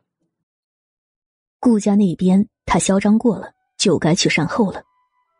那些人也不过是一时被那血腥的场面压住了，等他们反应过来，定然又会兴风作浪。那些人若是能随随便便就被处理了，他也不会在外面累积了这么多年的力量才回来。我杀了那些人，你背了，是不是会给你造成很大的麻烦？叶海棠倒是不后悔杀了那些人，那种情况下，他不杀人，那些人就会毁了他。在外三年，他早学会了绝对不能对敌人仁慈。原想的是，若是顾家果真要与他算账，他也只能把义父义母抬出来。这年头。有靠山又不是什么羞耻的事情。顾立婉那些人若不是仗着大帅府，也不敢对他下毒手。只是一回来就过于锋芒太露的话，的确不大好。顾廷钧却站出来替他背了杀人的事情，还为了让那些人相信，当众割断了严子文的脖子。如此一来，该他这边的麻烦就到了顾廷钧那边去了。会有一些小麻烦，但是无妨，我既然做了，就能处理好。你不必担心。就这么点小事，他的确很快的就能处理好，但他也不会说没有麻烦。既然瞧上了这个人，偏这女人心里还对他诸多的防备着，他自然要让他先欠着自己，欠的越多，他就越能记住自己，记得多了。在他心里占的位置也就多了。你家里的那些人，今晚该是会与你谈判了。需要我留下几个人给你用吗？不必了，今日中午，我的人就会到叶家来。三日前他赶回来是挑了日子回来的，虽然没想到回来后会有盟友，然手底下能用的人也是有几个的。只是那几个人替他去办别的事情了，按照计划，今晚之前也该到了。行，那我走了。顾廷钧放开了叶海棠，将自己的衣服重新穿好，又压低了声音说道：“今晚不会过来了，你好生歇着。别送，我自己走。哦，记得喊下人送些茶水过来。”今儿个闹了这么久，莫伤了自己的嗓子。叶海棠乖巧的点头，目送他出去。与此同时，叶老夫人的屋子里，院子里的下人们都被喊到了外面去，只叶老夫人的两个心腹婆子守着房门。奶奶，我就说叶海棠那个贱丫头会越来越嚣张的，你们还不信？看看现在怎么样？他故意毁了我当少帅夫人的路，还敢仗着大少帅要跟我们分家呢！我就是在外面几年，喝了洋墨水口口声声说他背后有倚仗，可谁也没有见过他的倚仗，是不是真的还两说？就敢对父亲和奶奶都大吼大叫的，就算是叶静兰还在的时候，也没受过这么大的羞辱啊！我不依。叶海棠不想当我是妹妹，我还从来都不想要她那个姐姐呢。她把我害得这么惨，我一点都不想让她风风光光的嫁给大少帅。第三十七集，父亲、奶奶、娘，你们快想想办法呀！我们这么多人，还能让一个从家里爬回来的水鬼骑在头上不成？你们忍得了，我可忍不了。谁能忍得了呢？娘那天过生，我也不过就是误会那些东西是送给我的，上前去看一眼，大少帅就开枪打伤了我，我这手还不知道是不是从此就废了。我们与大少帅无冤无仇的，他怎么会故意打伤我？定是叶海棠那贱丫头请他出手对付我的。那贱丫头一边给娘送黄金钟。借着一坨金子诅咒娘，大少帅送来的那些冥币纸钱，故意闹出来的那么一场祭拜，不也是冲撞了娘吗？我看，这根本就是叶海棠存心要坑害我们。他对我们这么坏，谁知道是不是真的失忆了？若是记着我们害叶静兰和他的仇，若是他假装的……月霞，你要说话可以，别胡言乱语。我看海棠。还不至于要假装失忆。若是他记着仇，以他的脾气，肯定是要找我们算账的。可我看他如今还盼着我对他好，想来只是这几年跟了贵人，被宠坏了。还有，你给我记清楚了，叶静兰是因为背着我偷男人，我才任由着你们对付她的。但这件事都是你们做的，跟我没有关系。海棠就算哪一日恢复了记忆，要报仇。也报不到我身上。他绝对不会承认自己也参与了谋害叶静兰，是叶静兰先对不起他，家里长辈要按照老规矩处死他，他只是没有救他，有什么错？但是他也不愿意叶海棠是没有倚仗或是没有失忆的。若是没有倚仗，他怎么会变成如今这样强势的？若是没有失忆，那他还怎么从他身上捞好处？不过海棠如今这性子，确实变得让我很不满意。不管怎么说，如果没有我，这世上就无他。我是他的父亲，我怎么对他都是应该的。就算是没偏爱了他，让他受了委屈，他也得受着。这世上无不是的父母，只有不孝顺、不懂事的女儿。可他竟然和我顶嘴，揭穿我上门女婿的身份，还多次让我难堪。你们说的没错，这丫头是该被好好的教训教训了。叶远红想的是，叶海棠就算有倚仗，总也不可能大过了顾大帅去。可叶海棠却和顾廷钧合起伙来，杀了顾家的府兵，杀了包括那严子文在内的几个大户家的儿子，还当面杠上了顾大帅。顾大帅当时为了脸面，是没对叶海棠发难，心里难道就不记恨吗？顾廷钧是大帅的儿子，他能在大帅的面前嚣张。顾大帅为了早日让活阎王娶妻生子，也会愿意叶海棠嫁过去。等到大帅和大少帅心愿已遂，难道就不会翻旧账？就算大帅不翻旧账，那大帅夫人和顾家小姐又岂会轻易的放过叶海棠呢？他们连叶思雨都瞧不起，会瞧得起叶海棠吗？他可不认为叶海棠比叶思雨要强。所以，叶海棠的身上有好处，但也有可能有大麻烦。那如果他能先把叶海棠身上的好处都捞到了手，那这个不听话的女儿自然是不要也罢。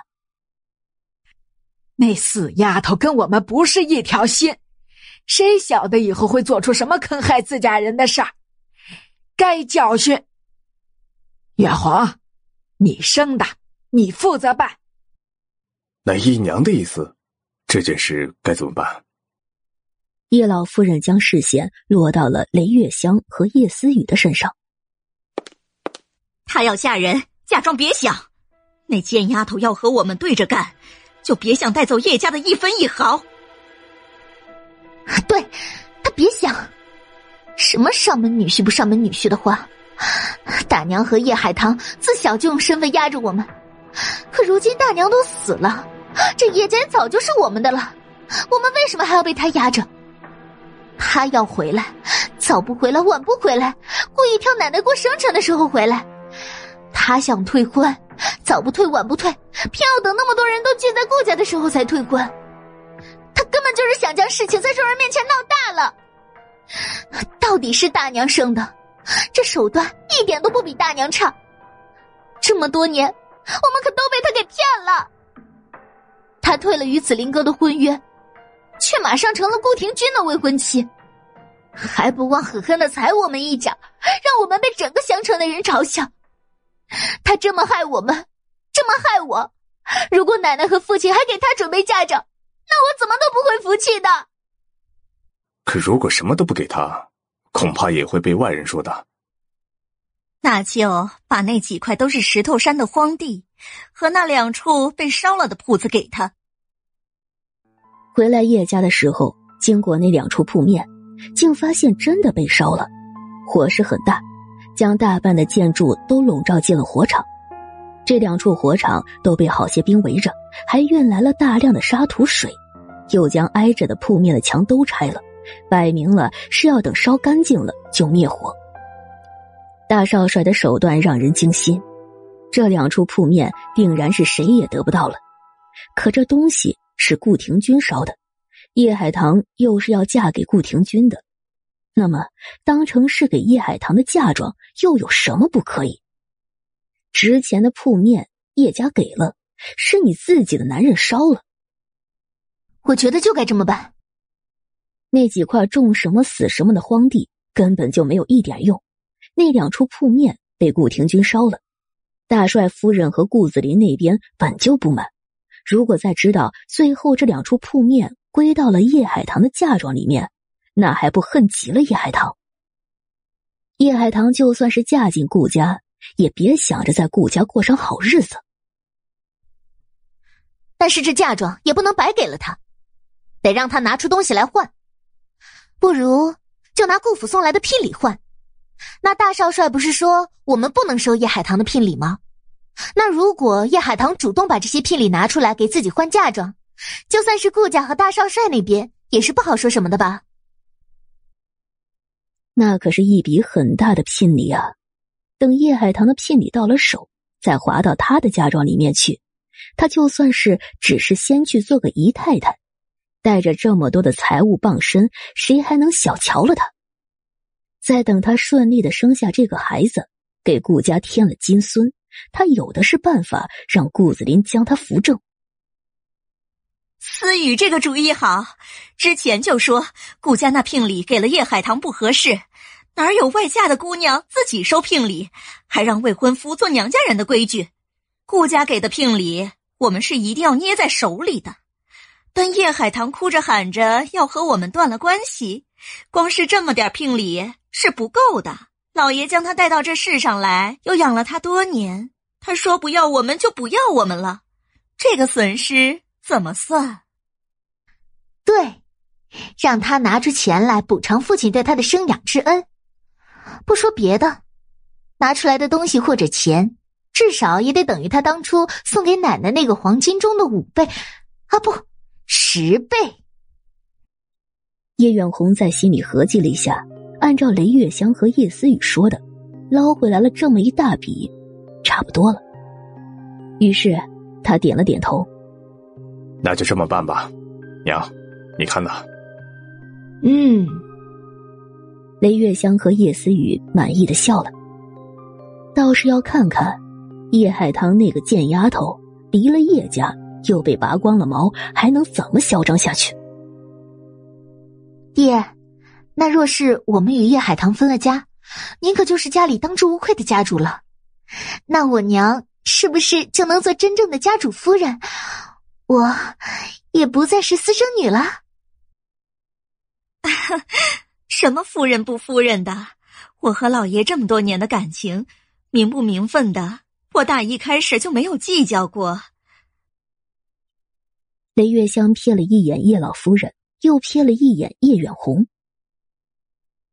我与娘和老爷本来就是一家人，只要能陪在老爷身边，有机会能好好孝敬娘，我就心满意足了。看你这话说的，若是分了家，你自然就是这家里的女主人。让远红给你写婚书，我看叶家那些老东西还有什么好说的？我听说思雨与二少帅的婚事，顾家那边之所以反悔，不让思雨做当家夫人了，就是瞧不上思雨的身份啦。第三十八集，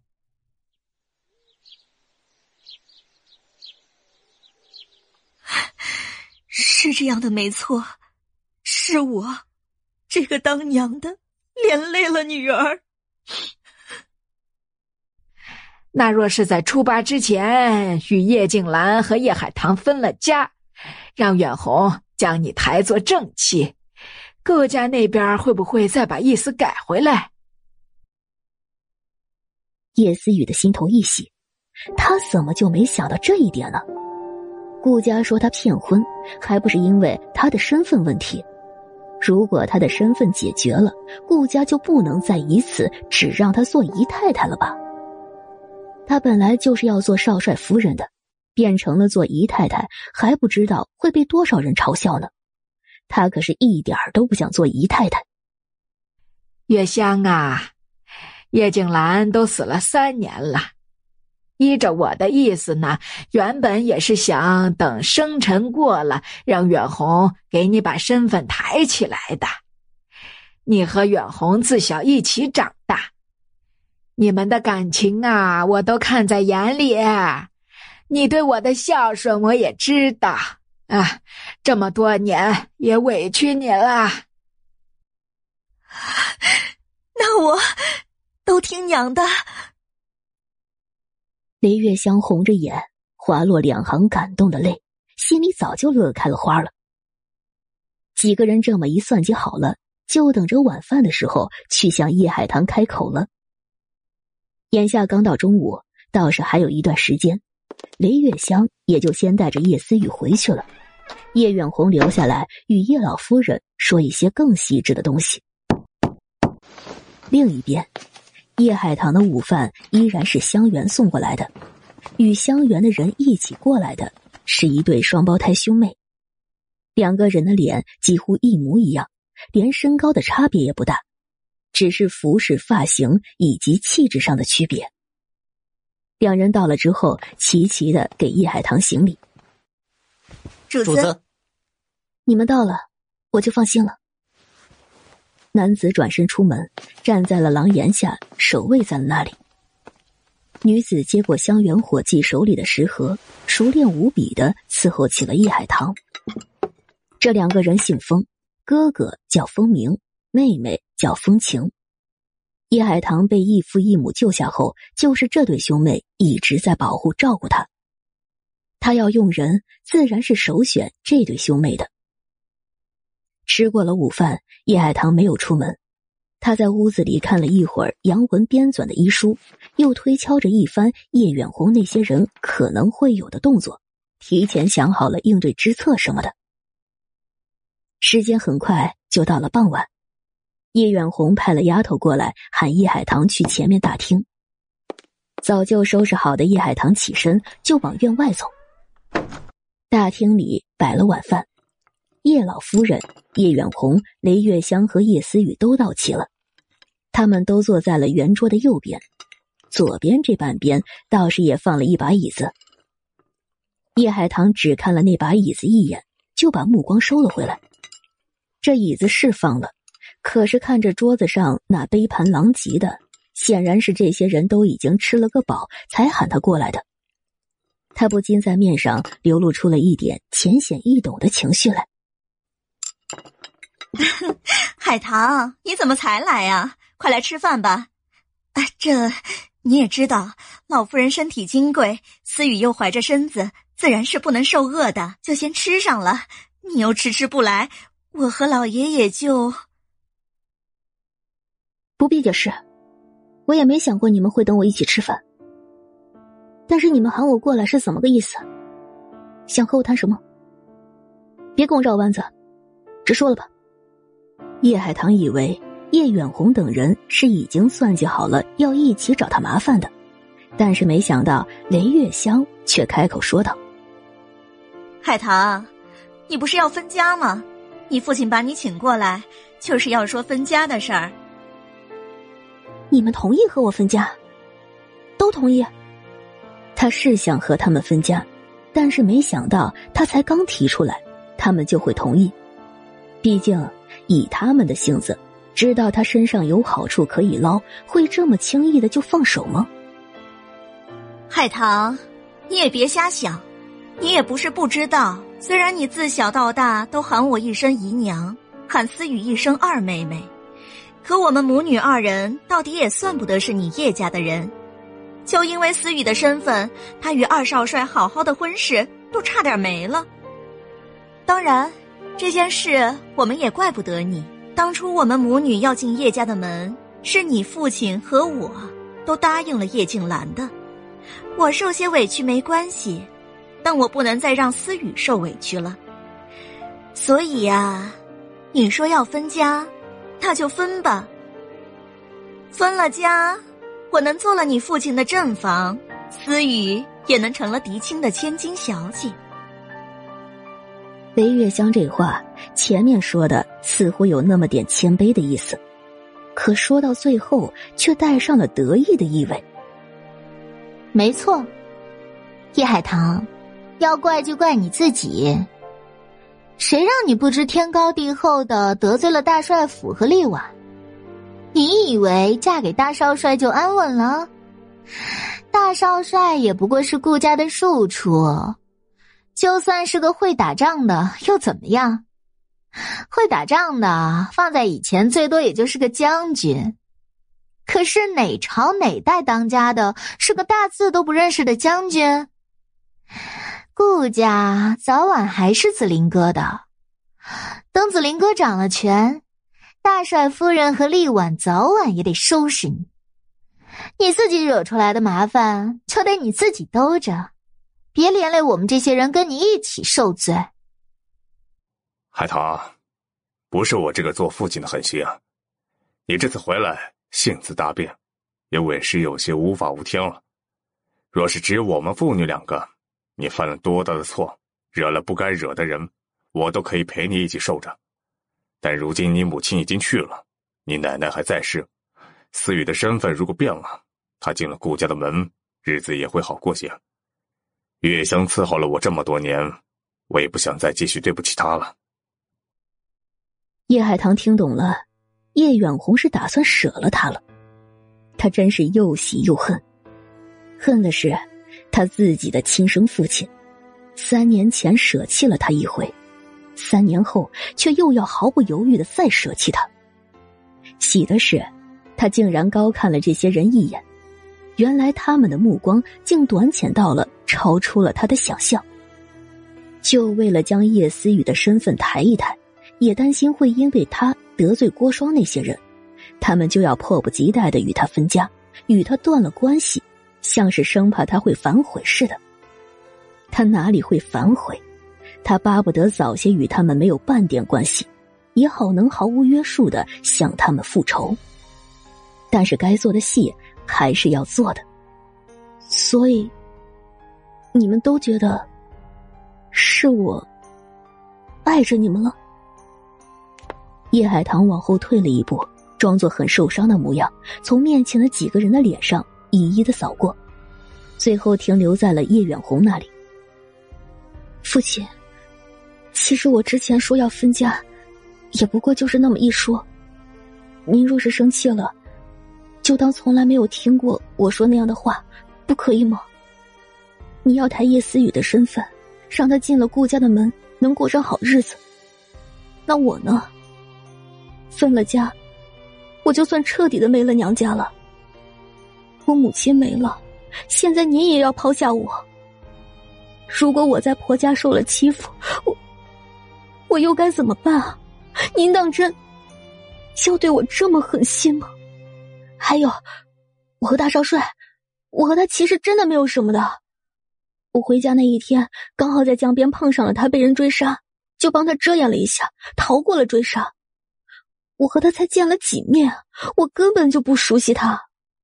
他说要与我成亲，他那样的人，我哪里敢反抗？你们不是也瞧见了吗？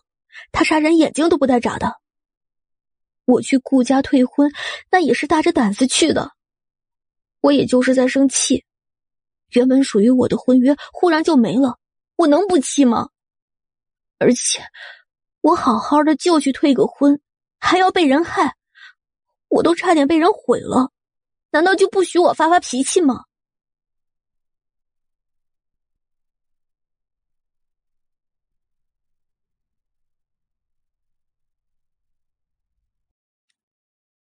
第三十九集。可等着这阵子脾气过去了，再想起来，我我也是后悔的，也是有后怕的。万一当时大帅没有被我给唬住，直接将我给打杀了，我父亲，其实我实话实说吧，我在顾家的时候，我都是壮着胆子装的，我是怕我在外面三年才回来会被人瞧不起，而且。我也没有，没有带很多的钱回来的。之前我送给奶奶那只黄金钟，就是我最值钱的东西了。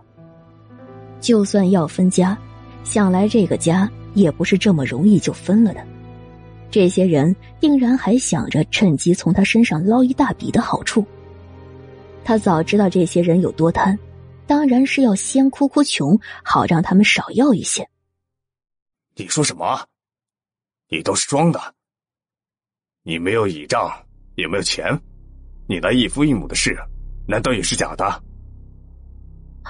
那倒不是假的，只是一父一母的钱，是一父一母的。叶海棠只将话说了一半，留下空间，任凭着叶远红等人猜测。你个死丫头，竟敢骗我们！分家，今天这个家必须分了。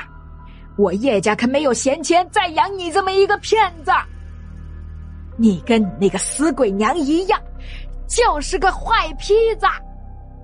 叶海棠，你也太狡猾了，有就是有，没有就是没有，你怎么能说谎呢？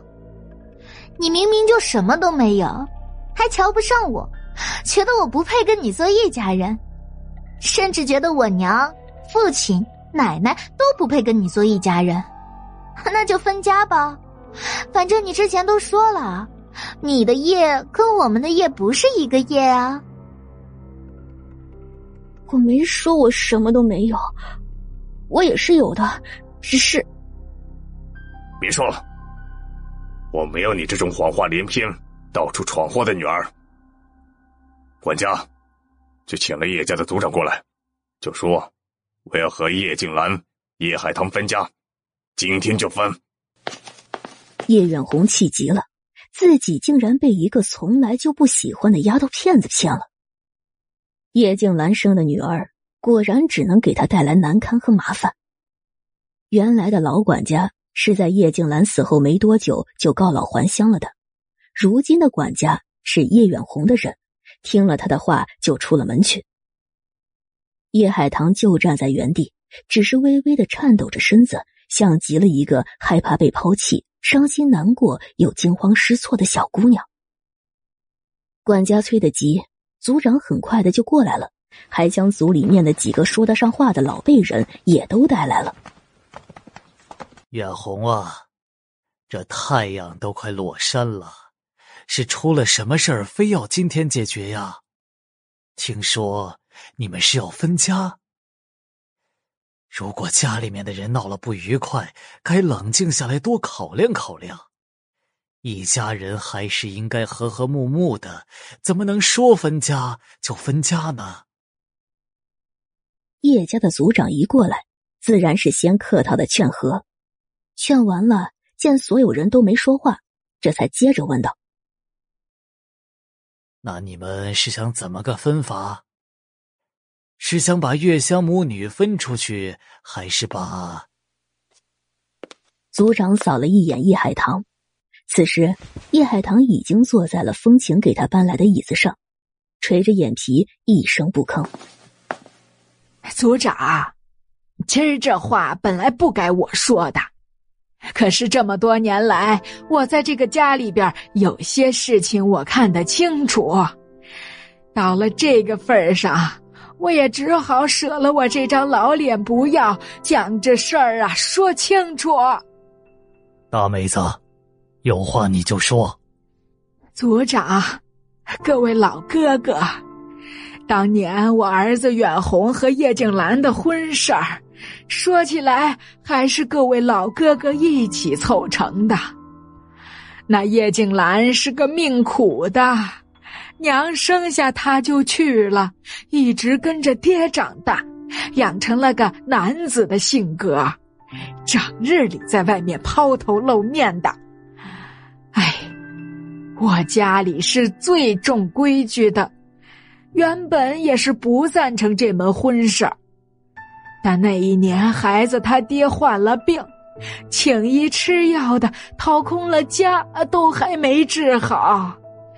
远红这孩子孝顺呐，就忍痛舍下与他青梅竹马的月香，也舍下作为男儿的脸面，做了个谁也瞧不起的上门女婿。可惜，没等他拿钱买药回来，他爹。还是去了，甭管最后有没有救成爹吧，这婚事 到底还是成了。要说叶静兰的父亲叶红对我们有恩，只是我们家没那个福气得了，那这恩我们也得认。所以，叶静兰在世的时候，我儿远红那个尽心尽力的对她好啊，就连洗脚水都给她端到脚边上。就算后来带了月香和思雨进门，又接了我过来住，可是叶静兰说什么就是什么，从来没有说过叶静兰半句不是。甚至后来叶红去了，他披麻戴孝，哭得比亲儿子、亲女儿还伤心。这些事儿，族长。你见证见证，我们可都是做到了位的。族长与几个老辈人都点了点头。嗯，远红这个孩子是不错的。做没做到位的，都是人家家里面的事情，他们怎么知道？也只能往好听点的话说了。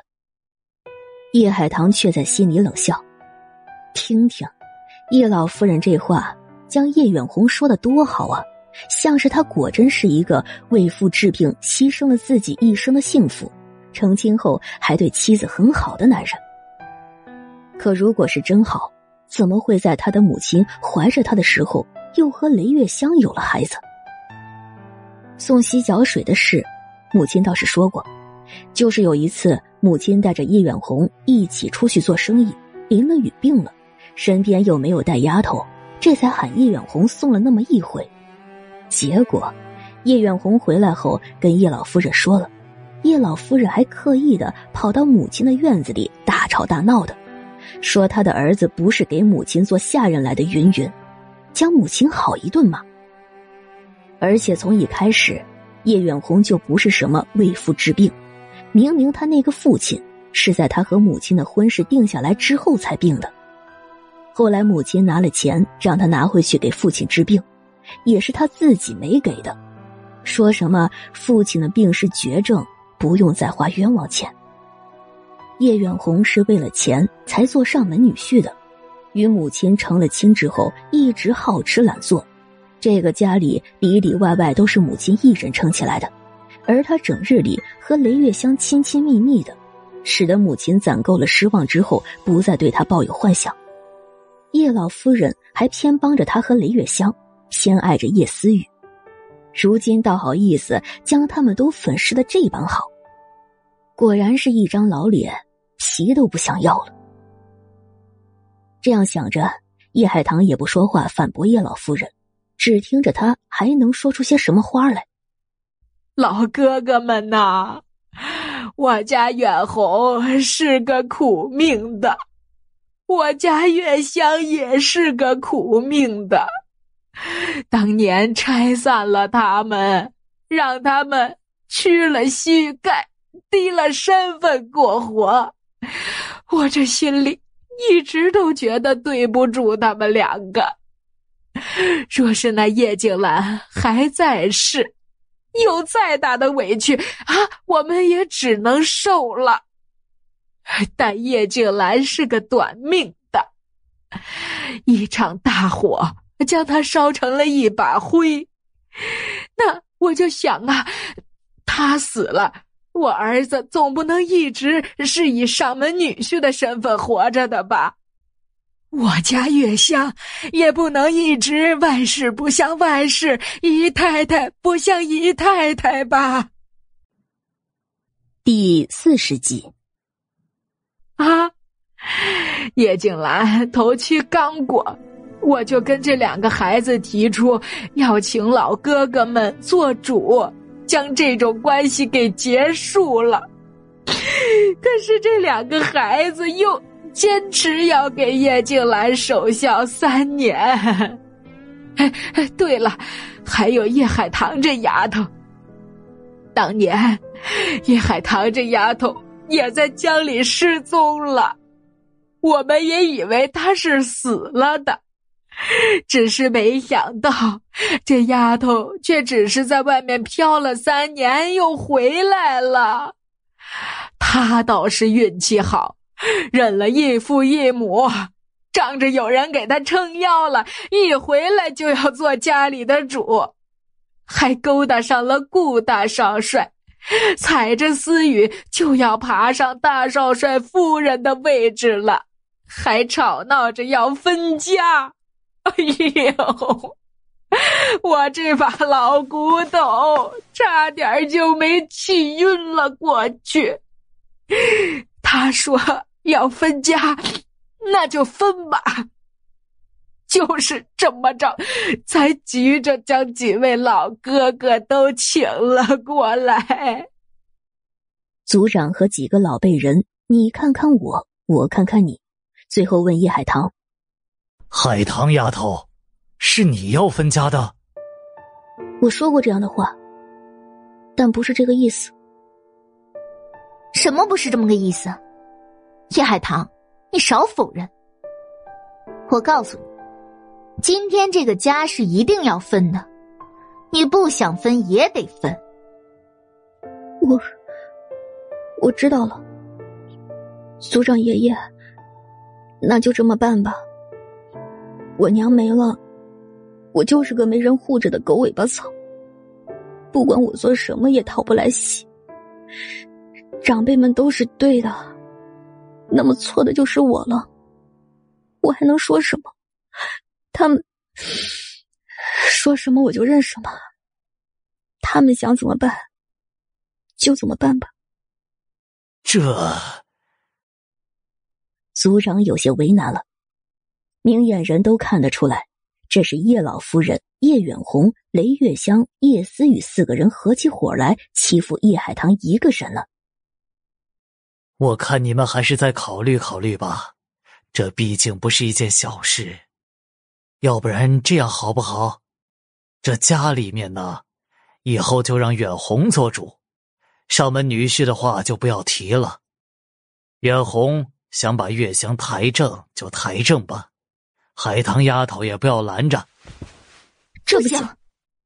叶思雨和叶海棠同时出声，然后叶思雨狠狠的瞪了叶海棠一眼：“我和叶海棠做不成姐妹了，若是不分家。”姨娘就永远只是姨娘，而妹妹也不能是叶家嫡亲的姑娘。这是他们当年进叶家门的时候跟我母亲说好的。若是我让了，对不住我母亲的在天之灵，那就只能分家了。分，必须分，分吧。死过一回，我算明白了。人的感情，最是强求不得。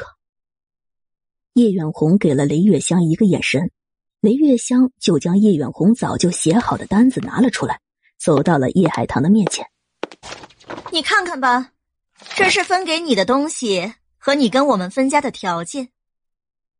叶海棠正要伸手接，雷月香却将那几张纸扔到了地上。叶海棠红着眼睛看了看叶远红，又看了看族长几个人。在族长起身帮他剪纸之前，他弯下了腰，将这几张纸捡起来看。叶老夫人、雷月香和叶思雨当然是没有资格分东西的，所以这些纸张中的其中一张是分给他的东西。分的东西只写了几行，条件却写了几十行。剩下的纸张却都是分给叶远红的东西，写的满满的。叶海棠匆匆的扫过了那几行字。第一样，那处连荒草都不怎么长的地，分给了他。他们一定不知道，那块地之所以不长草，是因为那是一处矿地，是当时没用的垃圾给了他。第二样，那处最偏僻的山林子也分给了他。母亲还在世的时候，秘密的在那处林子里种下了珍贵的中药材，如今都长成了吧。山路崎岖不好走，他们舍了。第三样，东街那两间一直亏损的铺面给他。母亲曾说过，做生意要眼光长远。西街虽是襄城最繁华的街，但不会一直繁华。再过三五年。东街就会繁华起来，会比西街更甚。如今那边已经开始建百货商场了，想必很快就会繁华起来。叶远红等人果真对此全无考虑。第四样，翡翠馆和当铺。怎么会舍得把这两处给了他？哦，想起来了，之前在顾家的时候，顾廷钧曾经让赵副官去放两把火，所以这两处地方真的已经被烧了。烧了好，烧了才与顾家再无半点干系，而他也能在旧址上再创辉煌。这四样东西可以说是目前除了叶家老宅外，叶家最有升值空间的东西了，竟然被叶远红等人当做打发叫花子似的打发给了他。愚蠢！叶海棠压下心底的欢喜，接着去看叶远红等人开的条件。什么？将家里最不值钱的东西分给我，却还要我拿明日里顾家送过来的聘礼来换？还要我出十个黄金钟，或者是等值于黄金钟的钱财，来买断亲生父亲对我的生养之恩。还说今天晚上就分家，明天就要我搬出叶家。除了我带回来的那个箱子和箱子里的东西，叶家的一丝一缕都不能再带走。父亲，这是你的意思吗？叶海棠转过身，憋着眼泪望向叶远红。这根本就是什么都没有分给我，还要我拿出我的聘礼和钱出来给你们。你们这么做，也太太欺负人了吧？叶家的东西都是我娘留下来的，凭什么我什么都分不到？我自以为。我也没有哪里对不起父亲的，可父亲当真要对我，对我这么狠心吗？不管怎么说，我的身体里总还留着父亲一半的血呀。叶海棠将手里的纸递给了族长，族长爷爷，您看看，各位爷爷，你们都看看。这是分家吗？这根本就是要将我赶出家门，还说我吃了家里的米，要我付钱。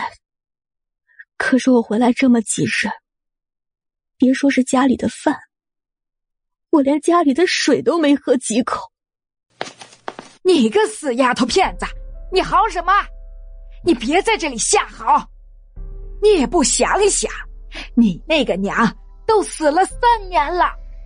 她留下的东西，哼！这几年要不是我儿苦苦支撑着，什么东西都剩不下了。给你分了最赚钱的翡翠馆和当铺，又加了一大块地，一整座山，还有两处大铺面。你还有什么不满意的？可这些东西都……就只有这些东西分给你。你如果不满意。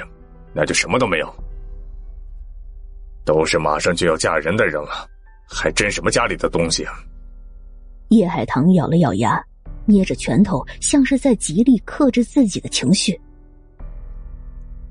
那那既然这些东西是分给我的，为什么还要我拿顾家的聘礼来换？那聘礼在顾家的时候就说好的。那只是给我的，不是给叶家的。感谢小耳朵的收听与支持，本专辑是免费更新版。想要解锁收听本作品更多精彩内容，可搜索同名专辑《少帅夫人》，她又美又飒，VIP 快更版（括弧真的很快很快哦）。或打开本专辑简介，点击蓝字直达，一次听过瘾。